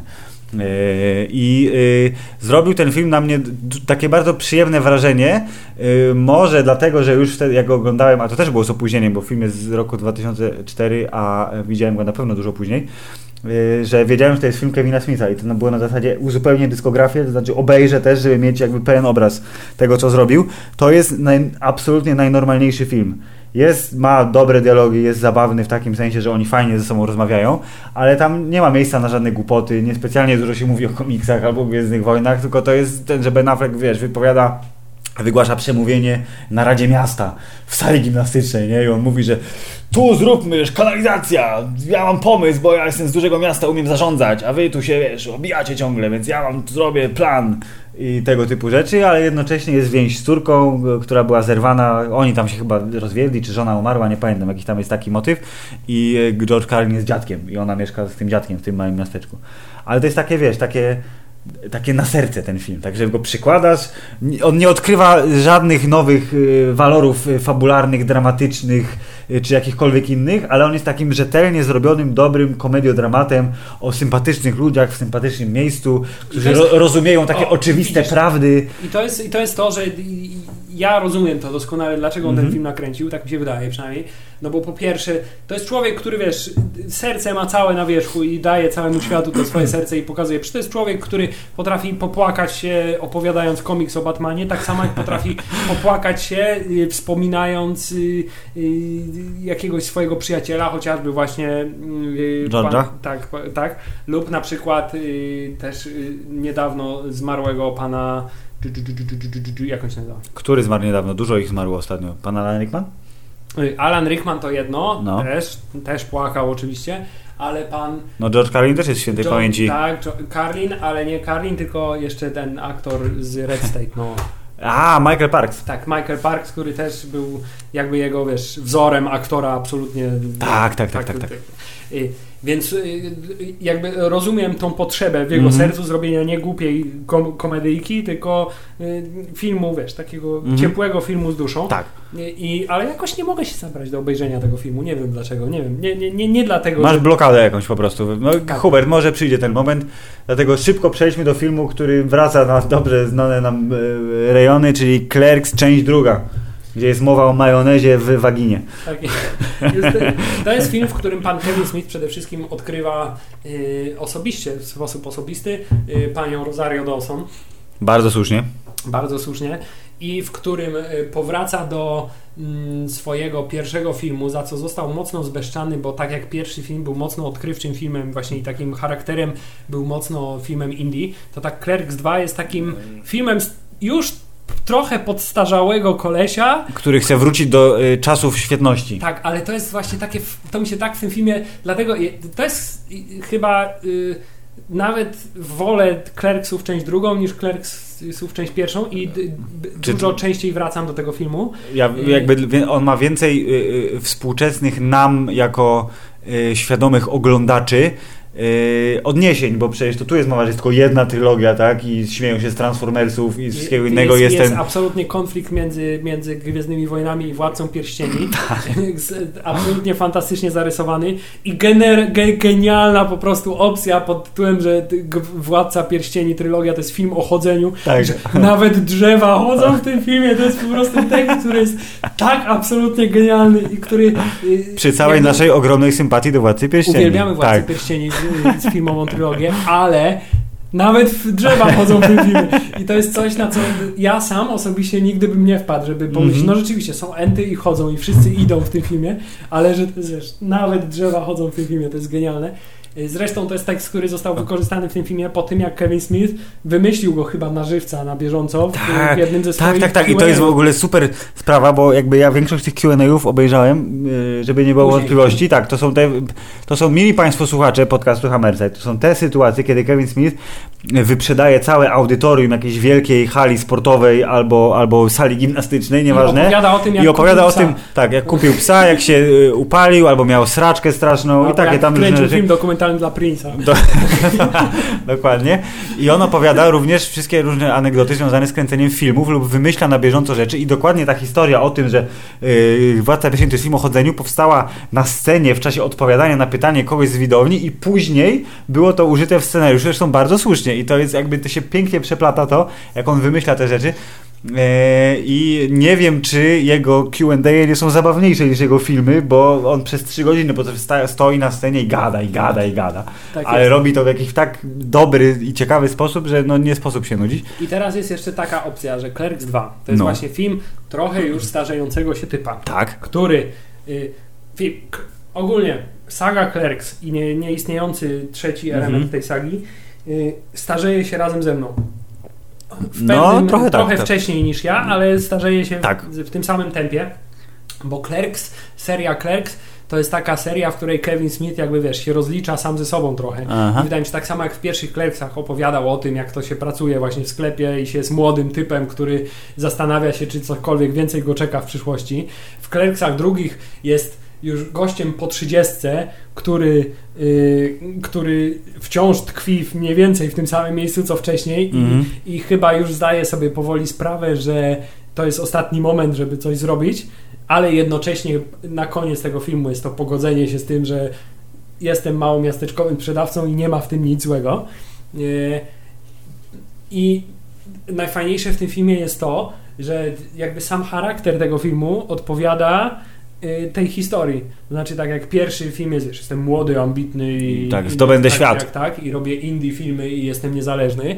Drugi jest już takim kręcony w sposób i pokazany w sposób taki bardzo mocno komercyjny i te żarty są takie proste. Tak, a mówi, dobrze wiem, co zrobiłem, ale, Ale- ale patrzcie, i tak zarobię tak, pieniądze. Ja, ja mówię, i mówię, wiesz, i to jest to, co ja robię w życiu. Ja w tym jestem dobry. Tak jak oni, wiesz, oni w życiu sprzedają papierosy albo burgery Mhm. sprzedają, to on robi głupie filmy. To jest to, co on robi. Tak samo film trzeci y, to jest coś, co mnie mocno uderzyło. To znaczy, y, kiedy opowiadał o Clerksach 3 i jaki Aha. jest zamysł na ten film, to opowiadał o tym, że to jest właśnie film y, o ludziach, którzy są po 40 i którzy zdają sobie sprawę z tego, że całą swoją młodość i ten czas między młodością a by- byciem w średnim wieku y, y, stracili na śledzenie popkultury, oglądanie głupich filmów i czytanie komiksów, ale że teraz już są w wieku, że czują, że powinni coś po sobie Tak. na świecie zostawić. I to też jest, wiesz, y, żałuję bardzo, że ten film nie powstał, bo prawdopodobnie też oddałby bardzo mocno jakby nasze bieżące. Bardzo możliwe. No, Kevin. Smith jest starszy od nas o lat y, 14, więc to jest takie właśnie przesunięcie mniej więcej. On ci no. pokazuje, co cię czeka Tak. na te 10 lat mniej więcej. Minus te 50 kg, których nigdy nie będę miał więcej. Tak, miejmy nadzieję. Więc tak, Clerks 2, film, który jakby może jakiejś takiej furory nie zrobił, jeśli chodzi o... Ale patrząc, na Wikipedia nie kłamie, 5 milionów dolarów budżetu, 27 milionów dolarów box też film, office, który przekazuje bardzo zysk. dużo ważnych informacji, na przykład takie jak ty, taka informacja, że nigdy nie bierze się z dupy do ust film. Okej, myślałem, że powiesz coś naprawdę, a ja chciałem powiedzieć, że nie, nie zamawiaj osła, nie? Że- show z osłem, bo nie wiesz, czy Kinky Kelly to przypadkiem właśnie nie jest oślica, a nie piękna kobieta. Ale dobrze, bardzo, bardzo to jest modne, ja się zgadzam, 100% Hubert. Kevin Smith jest po prostu preach, preach, preach. Yy, następny film pana Kevina Smitha jest znowu kontrowersyjny, gdyż, proszę pana, w tytule ma słowo zakazane, które spowodowało, że był problem, jeśli chodzi o promocję tego filmu, bo przecież pierwsze plakaty filmu pod tytułem Zack i Miri kręcą porno pokazywały yy, na zmianę słynnego, super komediowego aktora, który na fali wznoszącej po filmie skądinąd świetnym Superbad yy, został dobrym kolegą Kevina Smitha, Seth Rogen. I który nauczył Kevina Smitha Y, Jarać- palić zioło tak. non-stop. Bardzo dobrze, zamienić papierosy na zioło to przecież samo zdrowie. Brązowe na zielone, idealnie.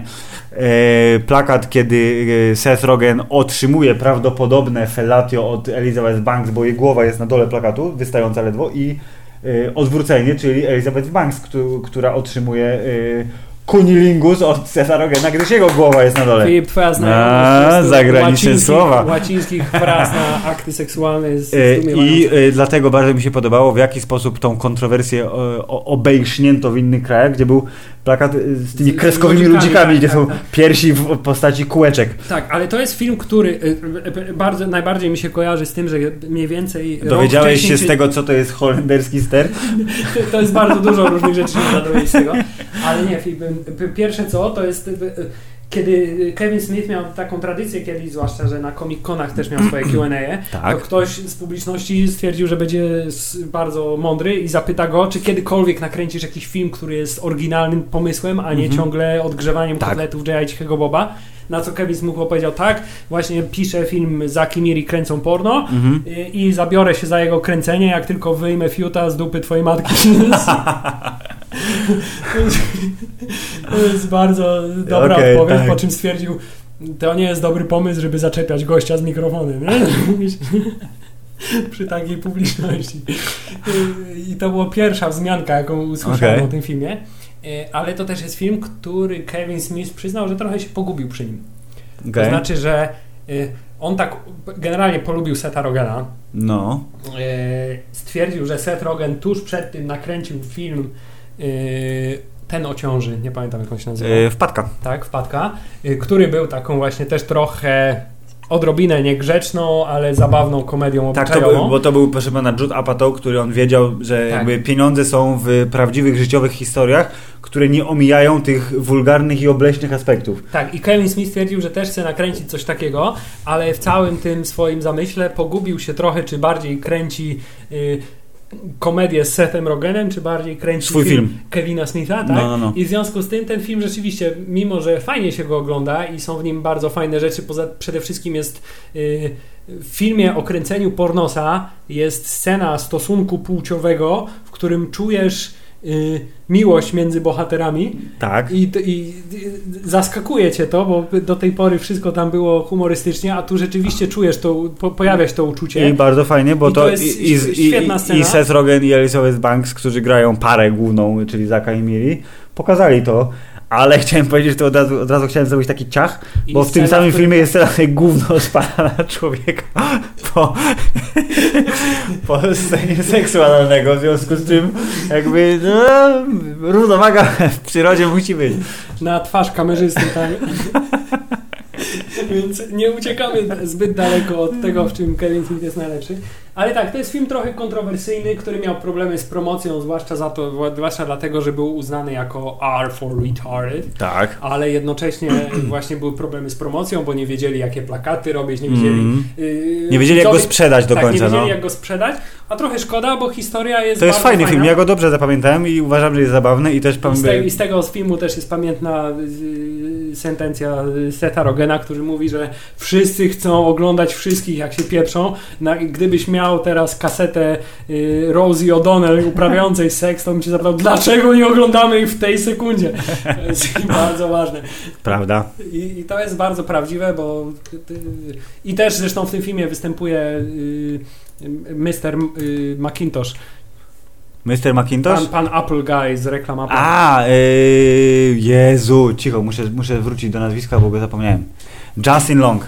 Justin Long jako y, homoseksualny aktor, porno, Brandon Sandrendi. który mówi Świetnie bardzo niskim wzrokiem. Tak, wzrokiem? Tak, Głosem? wzro- niskim głosem, Jezus Maria, niskim głosem Tak. i który opowiada o tym, że jest aktorem w filmach z, tylko z męską obsadą. Genialny dialog. A także Filip w tym filmie po raz pierwszy należy docenić, że Jason Mewes Ma krótkie włosy? ma krótkie włosy i nie gra y, Jaya, tylko gra postać zupełnie inną. Imieniem Lester. imieniem Lester, który jest taki trochę Jayem. I tutaj też jest anegdota, którą Kevin Smith zresztą opowiadał, a ja powtórzę za nim Mm. na jednym ze swoich Q&A. To znaczy, na końcu tego filmu, nie wiem czy, wie, czy pamiętasz, jest scena, kiedy Lester chodzi nago po mieszkaniu. I jest to scena, w której widać, Filip, y, przyrodzenie y, Jasona. Hubert, nie boimy się tego słowa, pindola widać. Tak jest. I y, Kevin Smith opowiadał, że akurat właśnie tego dnia na planie tego filmu był Ben Affleck, jako wiesz, gość po prostu odwiedził Mm, Kevina Smitha na planie. Y, I y, generalnie nie oszukujmy się, nie? Jason Mewes nigdy nie miał problemu z tym, żeby rozbierać się Tak. przy swoich kolegach i pokazywał im pindola wielokrotnie. I kiedy on wyszedł na, za drzwi, tak, czyli na Mhm. plan na, w trakcie kręcenia sceny, to Kevin Smith i Ben Affleck spojrzeli na siebie i powiedzieli, ty, on nie ma takiego wielkiego fiuta normalnie, nie? Coś, coś, coś tu jest nie tak. I potem wzięli go, wzięli, wzięli go na bok i powiedzieli, y, ten, nie? Y, rozgrzewałeś się, nie? Przed tym, to znaczy, wiesz, robiłeś sobie z, ta, tak, żeby być tuż przed etapem erekcji, ale żeby już był trochę większy, nie? I bardzo mi się podoba, że Ben Affleck, który przychodzi na plan i, i dyskutuje z Kevinem Smithem na temat wielkości przyrodzenia Jasona Muse'a, jest, jest to bardzo No bo koledzy rozmawiają między kolegami, no to, no to co? No Tak, to... poza tym tak, z tego filmu dowiadujemy się, na czym polega Dutch Rider. Ogólnie film, w którym można wyciągnąć, z którego można wyciągnąć dużo pozytywów, ale mimo wszystko Miłość trochę, zwycięża, to jest najważniejszy przekaz, jaki można mieć. trochę nieudanych i tu się zaczyna już ten y, okres w karierze Kevina Smitha, paruletni, w których się pogubił, czego też y, y, sygnałem jest y, Kolejny, film, czyli Cop Out, który miał się nazywać dużo fajniej A Couple of Dicks. Miał się nazywać A Couple of Dicks, gdzie Dicks to jest w... Detektywi, Nie wiem, czy wiecie, tak. ale Nie wiem, czy wiecie, takim tak. amerykańskim No, no, no. trochę to znaczy detektywi. Jest. Y, I to jest z kolei film Cop Out. To jest film, y, który Kevin Smith zrobił trochę inaczej niż zwykle, bo do tej pory zawsze pisał scenariusz, zawsze ten film był jego, wiesz, jak, jak Spike Lee, nie? To był Spike Lee joint, Tak. nie? To tutaj był Kevin Smith joint, a tymczasem to to jest film, który, do którego on został zatrudniony do wyreżyserowania i co najśmieszniejsze, jest to film, komedia, ale sensacyjna, coś w stylu y, Zabójczej Broni. Tak, że i dokładnie, bo A jest Kevin Smith nie duet jest, bohaterów, biały i czarny i oni się nie dogadują i y, y, uprzykrzają sobie nawzajem, ale tak naprawdę się lubią i tak, ale znacie to, no. Ostatnią rzeczą, z której Kevin Smith jest znany, to jest z umiejętności kręcenia scen akcji. W związku z tym powierzanie mu filmu sensacyjnego nie Tak. jest może najlepszym pomysłem. I to jest y, z kolei to, co jest godne uwagi w tym filmie. Ja go oglądałem z całką, całkiem dużą przyjemnością. Nie, on był, on był spoko, no tam jest bardzo ładna scena, jak y, Kevin Smith i wróć, nie Kevin Smith, Tracy Morgan, Bruce Willis i Sean William Scott, czyli słynny Stifler, Mhm. siedzą w samochodzie y, i jakby rozmawiają. W sensie jest moment, kiedy po prostu siedzą i gadają. I to jest właśnie to takie Kevino Smithowe bardzo, że jest Mimo, że stoi w miejscu, pokazuje ich gęby, jak siedzą w tym samochodzie i rozmawiają, bo jak wiemy dobrze ze wszystkich jego opowieści, kamera u Kevina Smitha stoi, Stoi w miejscu. a jego koledzy reżyserzy mówią, że tak, a jego, że u mnie kamera czasem robi tak, czyli na przykład jedzie w lewo albo w prawo. Ale po co? No. E, Film, ale jest to trochę film, który wynika odrobinę z takiej fascynacji, jaką Kevin Smith miał postacią Bruce'a Willisa i która została ta fascynacja zniszczona tak. przez, przez doświadczenie pracy. I chciałem powiedzieć, że ja przez, jakbyś mnie zapytał lat temu 10-15, jaki, kto jest moim ulubionym aktorem, to bym bez zęknięcia powiedział Bruce Willis. Że Od razu na fali szklanej pułapki, ostatniego skauta i innych takich dobrych, sensacyjnych filmów, które są poważne, ale mają ten taki pierwiastek humorystyczny w sobie, to bezwzględnie to jest jeden aktor, jest Bruce Willis. Ale po tym jak posłuchałem, jak się pracuje z Bruce'em Willisem, jakim on jest naprawdę yy, człowiekiem, to uznałem, że być może było to takie, to było, y, proszę pana, yy, yy, nastoletnie zauroczenie, takie zadłużenie. Ale widzisz, ale to też Kevin Smith też miał takie zauroczenie, bo zanim nakręcił film Cop Out, to miał okazję z Bruce'em Willisem pracować na planie Szklanej Pułapki, część czwarta. Tak, 4-0 Hubert, bo to jest o internecie. Tak. y, Gdzie, gdzie oprócz Bruce'a Willo- Oli Fantastic. tak jak Timothy Oli Fantastic, który też okazał się być zbyt i, y, sympatyczną osobą. Ale oni się chyba lubią dalej, mam Oni się chyba tak. lubią, tak, ale tak se po, podogryzał mu trochę, tak. tak. y, I K- Kevin Smith tam występował w takiej epizodycznej roli hakera, który mieszka Który miał mieć scenę, która wyjaśnia wszystko. Tak, i mieszka w piwnicy u matki i jest hakerem, który wyjaśnia, co się właściwie wydarzyło i dlaczego dzieje się w filmie to, co się dzieje. Czy on był Y, Warlock? On miał Warlock, tak, Warlock. Y, I scena ta była bardzo fatalnie napisana i Bruce Willis bardzo źle się gryzł, bardzo źle y, znosił tę scenę. Tak, że I stwierdził, że on w tej scenie nie będzie występował, więc Kevin Smith, będąc na planie, zaproponował, to dajcie mi parę godzin. Ja to tę przepiszę, scenę tak. przepiszę tak, żeby była y, dużo lepsza. Co spodobało się Bruce'owi Willisowi i rzeczywiście tam pojawił się i dowcip z Gwiezdnowojenny, bo i Boba Fett tam się pojawił, Tak. który tak. I, i, I cała ta scena została przez Kevina Smitha przepisana, co zresztą było wymuszone przez Bruce'a Willisa, bo y, Who's your next tak, choice to play tak, John McClane? albo on napisze tę scenę, albo będziecie musieli szukać nowego Johna McClane'a, tak, w skrócie. I wtedy wydawało mu się to zabawne, ale kiedy to on był reżyserem tego filmu, No, no, to no. takie zachowania Bruce'a Willisa przestały mu się wydawać y, zabawne. Tak, ale I to jest po- jed- jedna z tych opowieści, która mi się strasznie- podobała, w sensie, że po tym filmie Bruce Willis powie- za- zadzwonił do niego, powiedział, ej, to może byśmy nakręcili coś razem i Kevin tylko upuścił mikrofon w trakcie. To była y, sportretowanie jego ogromnego szoku, który ja mówi, Jezu, Bruce Willis chce, żebym coś nakręcił, a ja nic nie mam, co będzie grał wujka y, tego, cichego Boba albo tam co, tego, Co, co, ja mogę, Jaya. co ja mogę mu zaproponować? Nie? No i wtedy pojawił się scenariusz y, Couple of Dicks, czy też Cop Out, gdzie Bruce Willis, jak to Bruce Willis gra policjanta, y, Tracy Morgan gra jego sidekicka Tak jest. i y, szukają skradzionej karty baseballowej wartej dużo, dużo pieniędzy. I tutaj okazuje się, że Bruce Willis w takiej codziennej współpracy jest, jest nie do wytrzymania, jest totalnym gwiazdorem. Tak, Jest, ego ma dużo większe niż konto w banku. tak jest, co, co jest dosyć znaczące, Mm. bo konto w banku też Dosyć ma duże, no. I, i, I Kevin Smith generalnie po y, y, tym filmie i współpracy z Bruce'em Willisem no, nienawidził tego.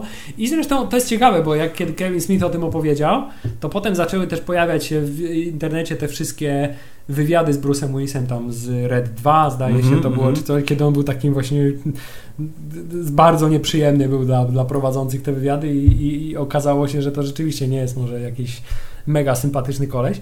Yy, Ale to taki powiedzmy zwykły film sensacyjny, gdzieś tam ten duch Kevina Smitha przesiąka, ale nie za bardzo.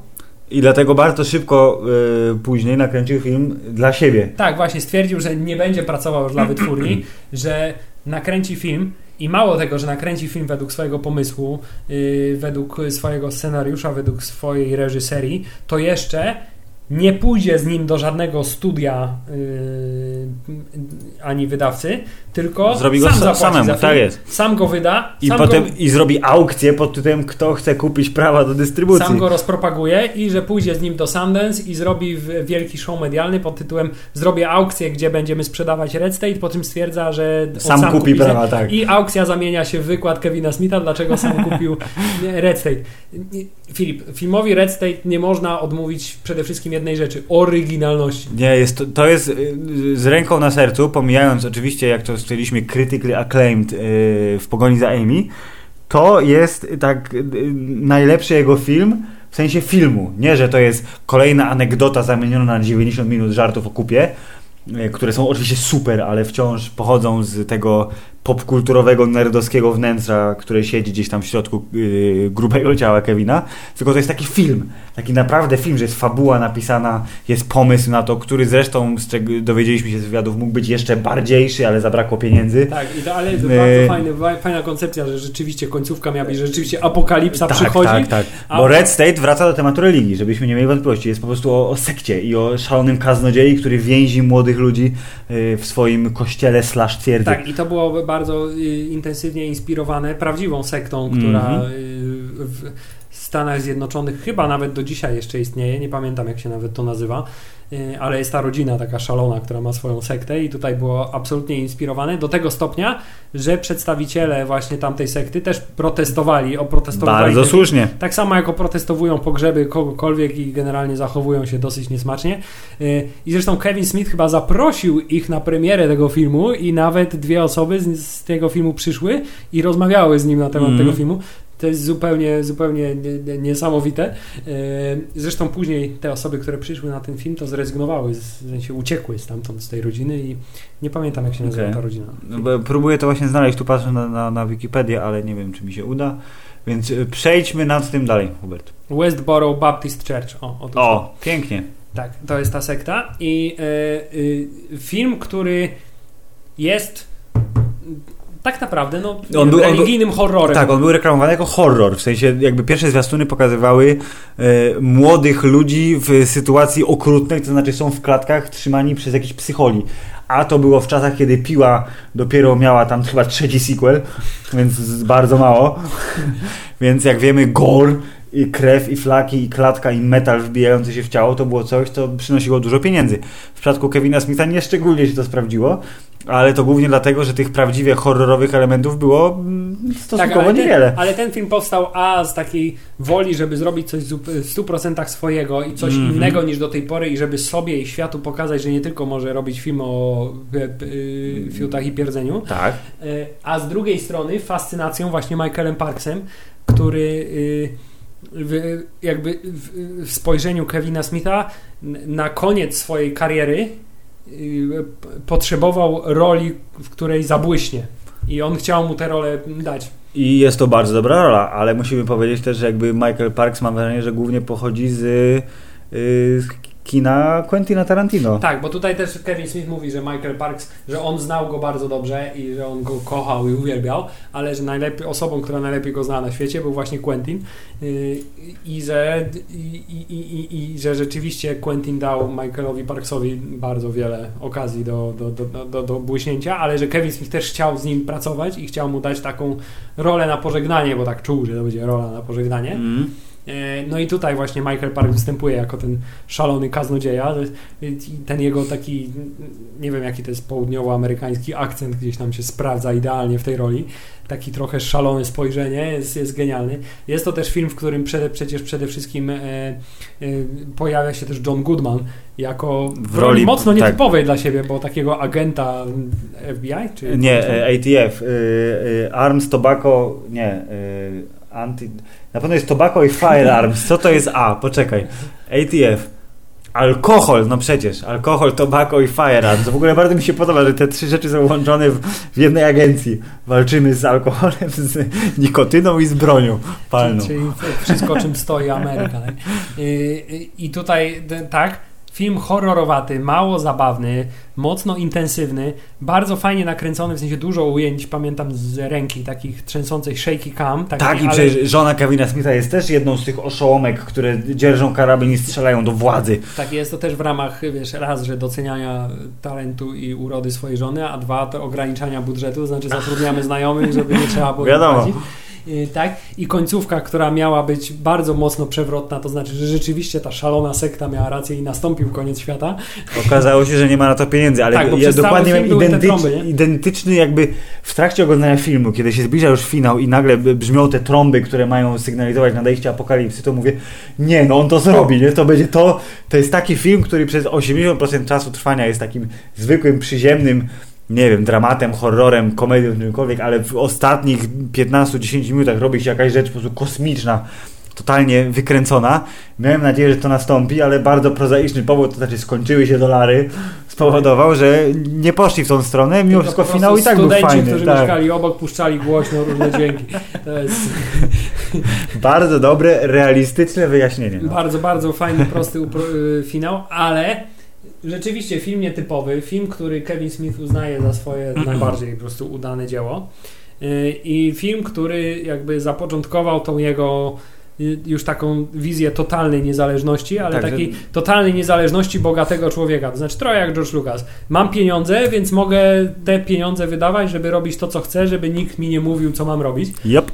I w jaki sposób mam to robić. I, i idealnym przykładem tego Dochodzimy do filmu o facecie zamienionym w Morsa. i tutaj Filip, jest bardzo ważne to, że Kevin Smith po Red State y, odpuścił sobie trochę y, Tak. z karma, karierę filmową. Nawet chyba było, mówię, że już nie będę reżyserował, prawda? Tak. Taki był moment. Tak, taki był moment i skupił się na karierze mówcy i podcastera.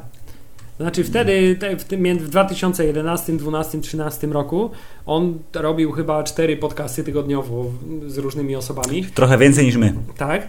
Y, I, I to jest w ogóle niesamowite, bo ja pamiętam, że ja słuchałem wtedy regularnie tych podcastów i pamiętam, jak słuchałem tego podcastu, w którym y, pojawiła się historia filmu Task.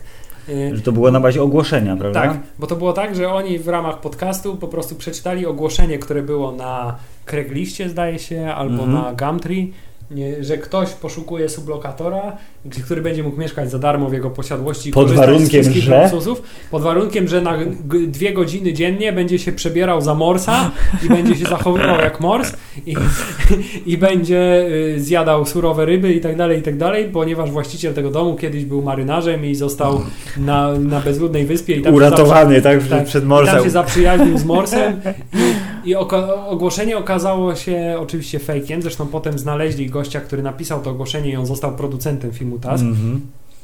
Y, Ale ta rozmowa między nimi w trakcie podcastu, czyli wymiana głupich pomysłów, tak, Tak, powiedział, to ja nakręcę o tym film. y, z- zaowocowała tym, że oni naprawdę ten film wymyślili w trakcie tego dwugodzinnego podcastu y, i zrobili głosowanie Kevin Smith na Twitterze, to znaczy, czy mam zrobić film o Morsie, Walrus yes, Walrus no. I tysiące głosów, setki Ale tysięcy- jakby, ja, ja nie wiem, czy, znaczy inaczej, on i tak by nakręcił ten film, ale czy on się spodziewał, że ludzie powiedzą nie? No właśnie nie wiem. to jest niemożliwe. Ale, że ale sam fakt, że wiesz, film, którego koncepcja Narodziła się w trakcie pijackiego gadania, tak? Może nie pijackiego, ale upalonego Na gadania. pewno, tak. Y, I została zamieniona w film i to bardzo dobry film tak naprawdę. Bardzo jest fajnym filmem, który się kończy w sposób przeokrutny, bo przecież Mors, który, który jest człowiekiem, ale mieszka w, w jak to się nazywa? Buda dla psa, no bo to tak wyglądało tak naprawdę, nie? Ten wybieg taki za płotem się kończy tak strasznie, tak smutno, tak Ale o nie. ale to jest, i to też było, ale to najlepsze jest to, że ta scena końcowa była dokładnie omówiona w podcaście, ona była wymyślona wtedy.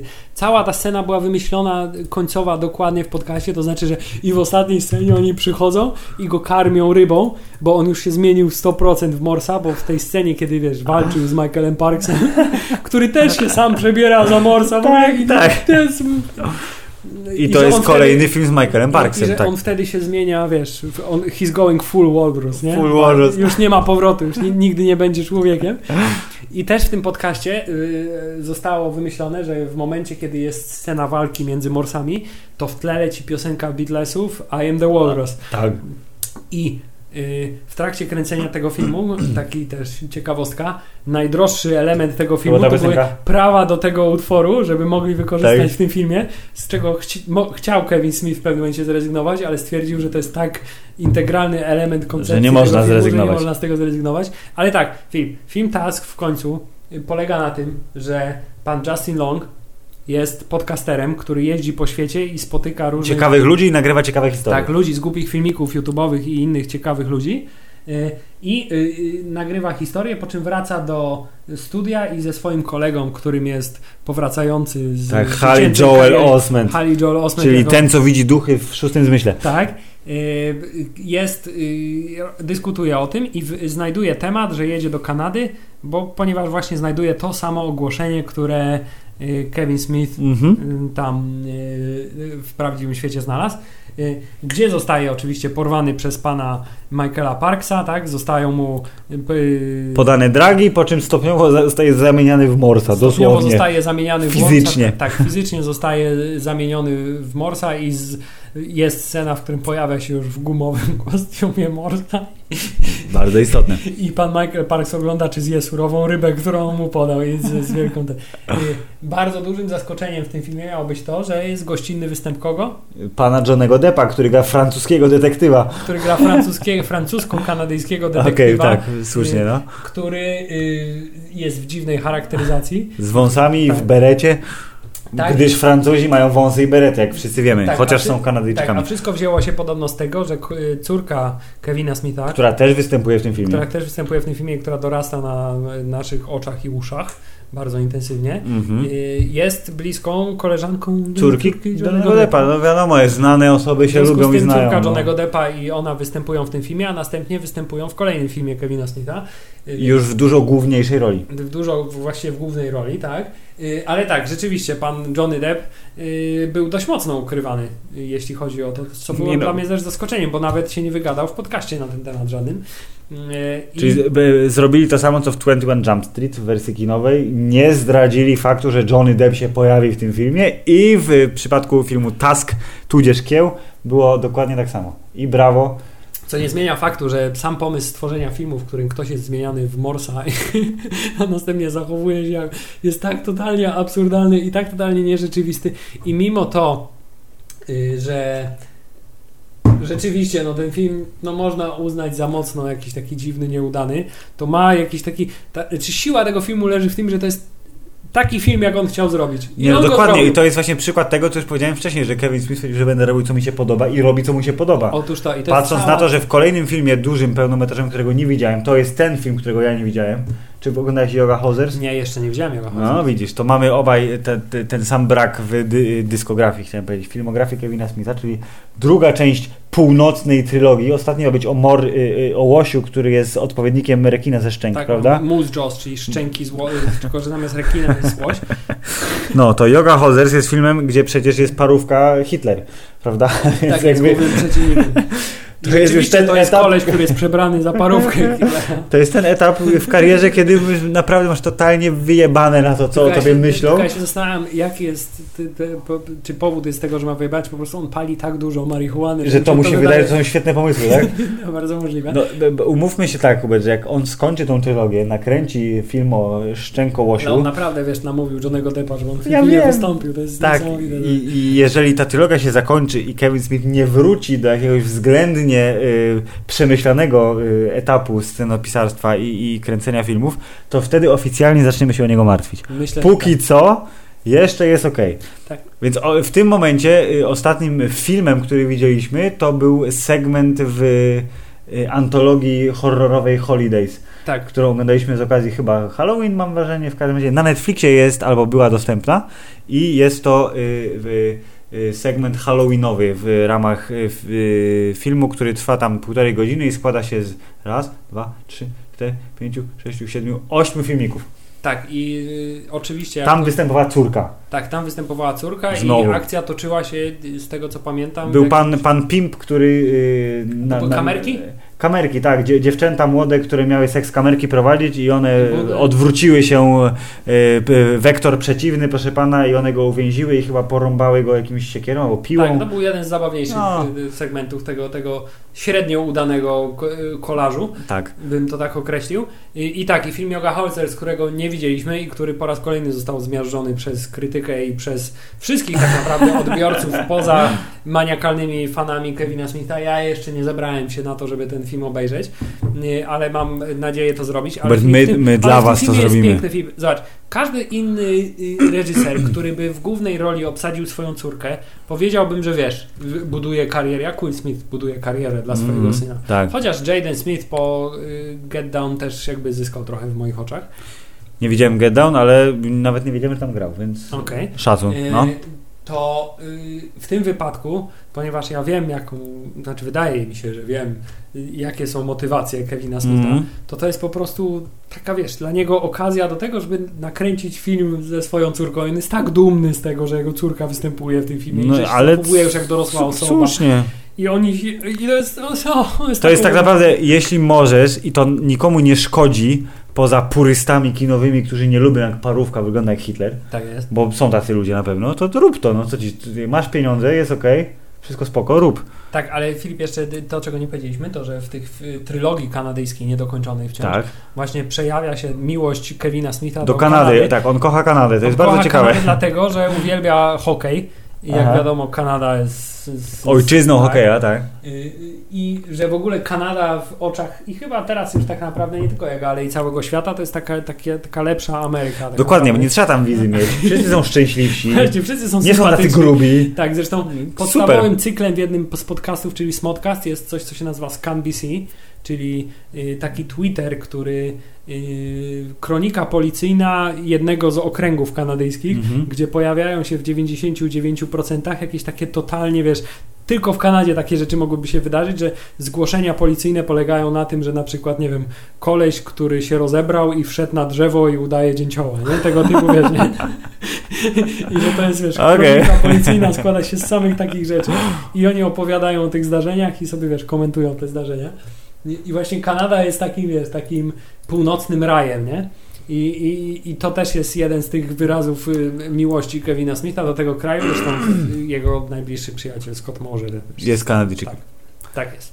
No i pięknie. I Hubert, i w czasie naszego podcastu, który jak wiemy zaczął się w roku 90, tak drugim mniej więcej, skończył się w 2016, Kevin Smith, sprawdziłem to, schudł z 400 funtów, co przekłada się na 181,5 kg, co jest w ogóle To jest śmiertelna otyłość. What? tak do bardzo przytomnych 210 funtów, czyli około 95 kg. Więc gruby Kevin Smith stał się akceptowalnie, y, akceptowalnym społecznie, y, troszkę y, otytym, ale bardzo delikatnie Kevinem Smithem, który jest, wiesz, lean, mean, killing machine. Co nie zmienia faktu, że do dzisiaj nie ściąga koszulki nawet pod prysznicę i że chodzi w wielkich bluzach y, hokejowych po to, aby ukryć wszelkie swego rodzaju kształty. Y, Oraz ewentualnie łysinę, o której nie mówi na pewno, ale ją ma Hubert. To znaczy, on mówi Ma o ptasie, wszystkim. ma ptasie gniazdo Bo teraz właśnie przejdźmy do tego, że no. Filip, y, Kevin Smith to, się nie wstydzi niczego. Pamiętasz, na, na początku No. mówiłem, że potem poznałem Kevina od innej strony, No. bo na początku, szczerze mówiąc, nie miałem zielonego pojęcia, że on jest tak wygadanym typem. Mhm. To znaczy, że on potrafi opowiadać o wszystkim przez dowolną. y, Tak. y, Kevin, mów przez 4 czasu, godziny. Tak. Okej, Okej. tylko dajcie mi wodę. Tak. Po czym y, zupełnie przez przypadek, nie pamiętam jak to się stało, ale natknąłem się na tą y, chyba najbardziej znaną jego historię do dzisiaj. Mhm. Yy, o tym, jak był poproszony o to, żeby nakręcić yy, sequel Supermana.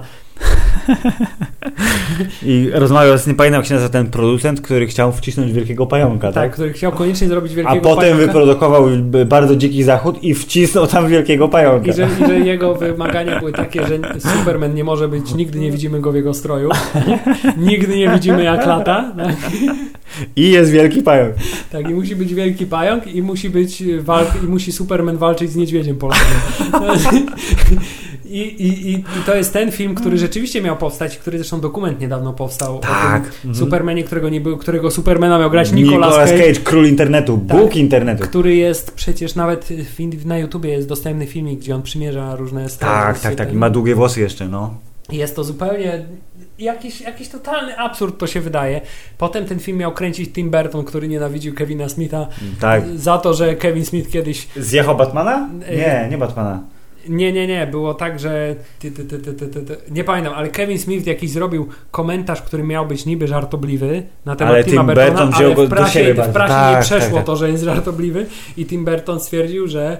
y, Nigdy nie, tak. nie, Aha, prze... nie było tak. Było to, że Tim Burton w Planecie Małp wykorzystał pomysł, który Kevin Smith wcześniej zrobił w komiksie Jay i Cichy Bob Okej. na temat Planety Małp i że ten sam dokładnie pomysł potem miał w tym swoim nieudanym filmie z. Markiem Markiem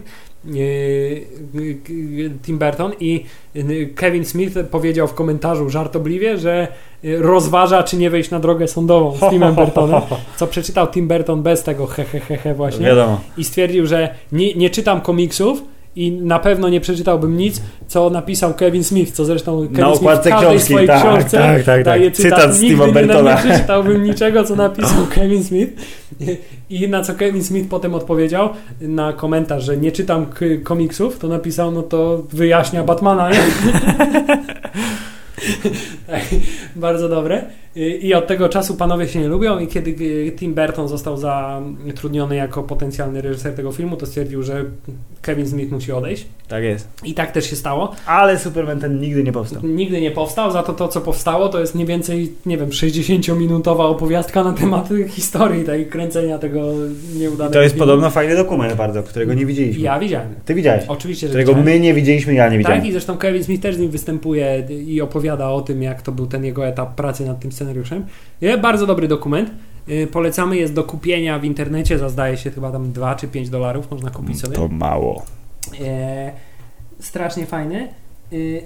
I to jest właśnie ten moment, kiedy gdzieś na YouTubie znalazłem tą historyjkę, stwierdziłem, o kurde, jak on dobrze opowiada. Po czym się okazało, że to jest nie jedna opowieść, tylko że to jest Pierwsza rzecz to jest y, dwie płyty DVD, bo na jednej się to nie mieściło QA, to znaczy gdzie jeździł po różnych uczelniach Tak, i amerykańskich. odpowiadał na pytania A ludzi. następnie okazało się, że tych Q&A'ów jest jeszcze dziesiątki, a potem się okazało, że Kevin Smith ma w naturze to, że organizuje takie Q&A i jeździ po Ameryce i po Europie i y, organizuje spotkania ze sobą, na których po prostu opowiada różne historie, począwszy od tego właśnie jak kręcił y, film, jak pisał scenariusz do filmu o Supermanie, jak kręcił film dokumentalny dla Prince'a i ki, kim jest dla niego Prince. Och, to jest długa i bardzo wesoła historia. Po takie historie, jak miał właśnie jakąś tam ranę w odbycie i jednocześnie był świadkiem, y, musiał robić za ra- w, ławie przysięgłych, Tak. siedział, tak? I poszedł do tego samego proktologa, co Sydney Poitier. to też jest bardzo ciekawe. Y, po historię y, trwającą mniej więcej godzinę o tym, jak jeden jego pies duży wydymał drugiego małego psa. Tak, i wagina mu wypadła na zewnątrz, temu małemu. I on opowiada w, tych, w tym o wszystkim, począwszy od najbardziej prywatnych historii, jak y, y, rodzinnych, po y, zawodowe jakieś anegdoty, właśnie jak spotkał Bruce'a Willisa. Y, I to, tego można słuchać z zapartym tchem, absolutnie nie, nie, nie, nie czując upływu czasu. Chciałbym mieć taką umiejętność. Taką gadanę tak zwaną. I potem okazało się, że Kevin Smith jest także podcasterem filmu. I my y, mamy jako wzór. Tak, bo ja zacząłem słuchać podcastu właśnie dlatego, że oglądałem Q&A z Kevinem Smithem, po czym y, chciałem więcej słuchać Kevina Smitha i, i znalazłem, że on nagrywa y, podcast, Smodcast. Mhm. I tych odcinków ma już ponad 170 na tamten moment. Trochę lepiej niż my. Ale wciąż. To, ale to było wciąż Dawno 6 lat temu, tak. No to poczekaj, sprawdzimy ile Smodcast ma teraz. Y, tak, y, i, i, i zacząłem słuchać odcinków y, podcastu y, Kevina Smitha, z których to podcastów dowiedziałem się jeszcze więcej na temat jego prywatnego życia i to zarówno na temat jego młodości, na temat jego przyjaźni z Jasonem Musem. W ogóle podcast y, y, Jay and Silent Bob Get Old, który, którego podstawową funkcją jest to, y, nie żeby y, opowiadać jakieś rzeczy, Y, Tylko- 382. Tyle Tak. odcinków ma Smodcast. tylko po to, że Jason Mewes, który był na odwyku, Kevin Smith chciał koniecznie znaleźć mu coś do roboty, żeby Aha. nie wrócił do brania narkotyków. Jest Więc- dobrym Więc kolegą. stwierdził, że będą nagrywać podcast i w każdym odcinku y, podcastu y, Jay i Cichy Bob starzeją się. Y, Jay spowiada się z tego, ile już dni nie pije, nie pali i nie bierze narkotyków. Proszę pana, publiczność internetowa to jest najlepszy, wiesz, cenzor i, i, i oceniacz. I oni by mu powiedzieli, że ej, nie wracaj. I tak, że, i No. tak mu mówią w każdym odcinku. Ale Filip, żeby nie było tak poważnie, to oprócz tego, że, A było poważnie? że nie, że Jay się spowiada w każdym Aha, odcinku dobrze, z tego, no. ile czasu już narkotyków nie bierze, to w każdym odcinku podcastu też jest y, cykl, Filip jest cykl jak u nas, który po, nazywa się Let Us Fuck, w którym zapraszana jest jedna osoba z publiczności, która Aha. wykonuje y, akt seksualny z Jasonem Musem na scenie, który to akt jest y, odpowiednio nazwany. Mm, Hmm. Czyli y, Kevin Smith podaje nazwę pozycji seksualnej, która następnie jest odgrywana przez pana z publiczności lub panią z publiczności i Jasona Musa. Y, Żeby nie było tak zabawnie. Ale Filip, Kevin Smith w swoich podcastach, to jest w ogóle jedyna osoba na świecie, która No. w swoich podcastach może przeprowadzać wywiad ze Stanem Lee, Tak. z Markiem Hamillem, z Adamem Westem, z innymi y, y, szacownymi osobami. Może opowiadać o swojej, y, swoim dzieciństwie, może zaprosić swoją matkę do podcastu, córkę, żonę, Mhm. a jednocześnie może opowiadać na przykład. O odbytach? Może na przykład opowiadać historię o tym, jak kiedyś chciał przelecieć swoją żonę, ale ona była akurat zajęta, więc po prostu y, onanizował się patrząc na jej odbyt. I potrafi o tym opowiadać przez mniej więcej półtorej godziny. Co? Człowiek, który nie zna żadnych tabu po prostu. Dokładnie tak. No. I on opowiada w tych swoich podcastach y, absolutnie o wszystkim. Y, uzewnętrznia się absolutnie. I najlepsze w tym wszystkim jest to, że nawet jeśli to jest pewnego rodzaju, wiesz, zagrywka, to czujesz tą absolutną szczerość. Aha. I to jest, Filip, właśnie to, co zainspirowało mnie do y, y, stworzenia y, razem z tobą podcastu Hammer Time. O Jezu. No, nas dwóch jest jak jeden Kevin Smith, prawie. Tak. A oprócz tego przez mniej więcej 4 czy 5 lat w co drugim odcinku podcastu Kevin Smith opowiada i zachęca wszystkich do właśnie podcastowania. Bo, bo Hmm. twierdził, że właśnie podcast to jest wiesz, jeszcze taki medium, które nie zostało opanowane przez korporacje i przez wytwórnie wielkie, i, że- które ci mówią, co możesz i jak robić, i że możesz gadać o czym chcesz, o kim chcesz, i że wszystkich Hammer zachęca- jest tego przykładem, tak proszę jest. pana. I że wszystkich zachęca do tego, że yy, żeby yy, usiąść przy mikrofonie ze znajomymi i porozmawiać o tym, co, co cię interesuje. I bo w najlepszym przypadku będziesz, wiesz, Po staniesz się no, sławny, no, no. a w najgorszym przypadku będziesz miał fantastyczną rzecz, do której będziesz mógł wracać po latach o tym, jak rozmawiałeś ze swoimi znajomymi. I Filip, no co, no, to nam pozostanie. Ta, ta najgorsza rzecz, w sensie w najgorszym wypadku jest 100% y, sprawdzone. Jest szansa, że może, wiesz, kilku fanów zdobędziemy w, Tak. w tym czasie. Także dziękujemy Kevinie Smithie za obudzenie y, pasji podcasterskiej, y, ale Filip, to nie wszystko jeszcze. To jest, to jest w ogóle jeszcze nie, nie koniec. Znaczy co, Ke- podcast się dopiero zaczął? Ja mam wrażenie, że już trzeba kolację robić, bo jest Nie. wieczór. bo Kevin Smith przecież oprócz tego y, przede wszystkim reżyser, przede wszystkim dobra, aktor, przede wszystkim podcaster, Mhm. ale także twórca komiksów.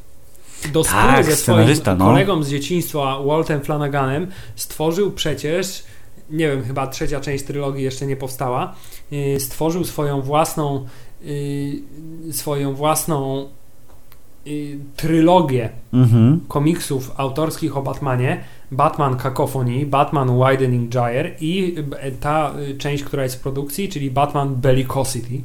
Bardzo skomplikowane nazwy. I y, pierwszą z tych trzech komi- pierwszy z tych trzech komiksów posiadam w swojej osobistej kolekcji. Jest to bardzo fajna historia. Y, drugiej części jeszcze nie posiadam, ale planuję.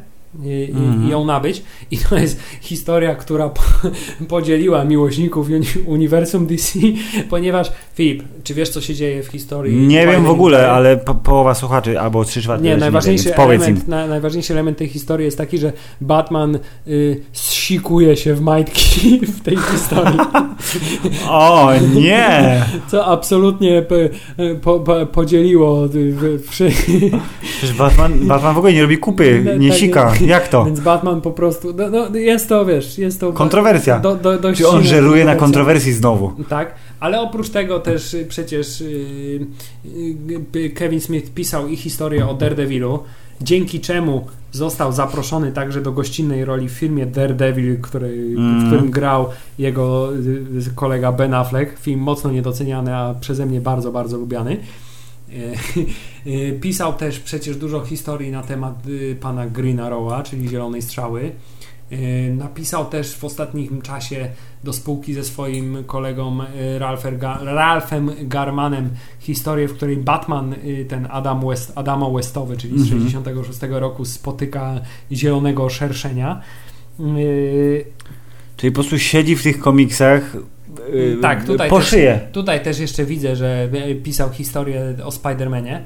To też, jest, to też jest fajne, bo każdy Mm. szanujący się No kurde, wiadomo. musi tworzyć o, o, historię o Spider-Manie. E, No i, i, i, i, co? I widać, że widzisz tą jego pasję swoją z dzieciństwa. Przekuł na dobre zarabianie pieniędzów. No robi wszystko to, co chce. No, on robi to, co lubi.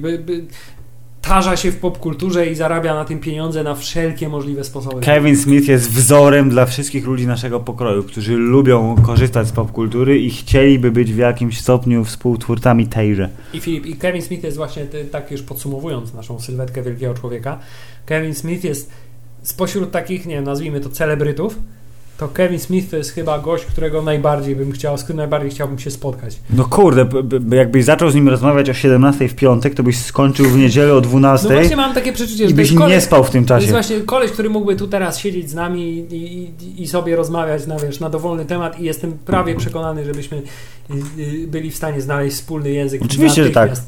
Jedyna y, rzecz, która by się zmieniła, że ten podcast byłby po angielsku, ale to byśmy dali radę prawdopodobnie, więc myślę, że Kevin! I inna rzecz, która Chodź. się zmieniła, to z racji tego, że on by wystąpił w tym podcastie, to milion odsłuchaj. to miałby o, około kilkanaście milionów odsłuchań. Ale tak, Jeszcze spokojnie. W sumie może będziemy mieli kilkanaście. idziemy w jakość, nie w ilość. Nasi słuchacze są wyjątkowi. Oni są przy, przyzwyczajeni do jakości, tak, okej. Niech będzie. Drodzy Nie słuchacze, ale jednak Tak. jakości. drodzy słuchacze, ten oto y, y, zrobiony przez nas, dla nas odcinek podcastu Hammerzeit 80 kończymy myślą taką, że jeśli naprawdę chcesz, to możesz. Tak, Tylko większa szansa będzie y, sukcesu, jeżeli urodziłeś się w Stanach. I mówisz po angielsku. I w mówisz swoim po angielsku, tak. Y, Ale tutaj jest tym bardziej, y, drodzy słuchacze, zadanie dla was. No, weźcie nas, kurna, wypromujcie trochę. Weźcie, lajkujcie, dawajcie łapki w górę i zostawiajcie Jest linki na wszystkich swoich społecznościowych. Koniecznie na naszej Nie wiem klasie. nawet, jak to się nazywa. Nasza, na społecznościówkach. Instagram Hammerzeit. Hubert, musimy Instagrama założyć i publikować zdjęcia kota oraz maskotki, bo nic innego nie ma. Dobra, dosyć tego dobrego. Automatu, automatu. Auto, I automatu, to trzy zdjęcia będą. To oczekujcie wkrótce. Już wkrótce trzy zdjęcia na Instagramie Hammerca. Koniec tego dobrego. Podcast Hammerzeit, odcinek 80. Sylwetka Wielkiego Człowieka, Kevin Smith. Uważam za skończony. Następne odcinki, proszę pana, to już yy, klimaty Blade Runnerowe oraz oficjalna informacja, że 9 października będzie zwiastun Gwiezdnych Wojen finalny, więc podcast Gwiezdnowojenny. Ale to już tak na naszym drugim podcaście w naszej nieoficjalnej mamy dwa. sieci podcasterskiej. Uuu. Yy, tak, oraz Filip prawdopodobnie, znaczy mam nadzieję, że nasza piątkowa wyprawa do domu strachów będzie na tyle intensywna. Będzie owocna i tak, zaowocuje kolejną e, fantastyczną spowiedzią przed mikrofonem. Tak, ale już w następnym odcinku to, co jest pewne, to yy, Blade Runner. Dziękujemy, pozdrawiamy, do usłyszenia. Bye bye. Koniec.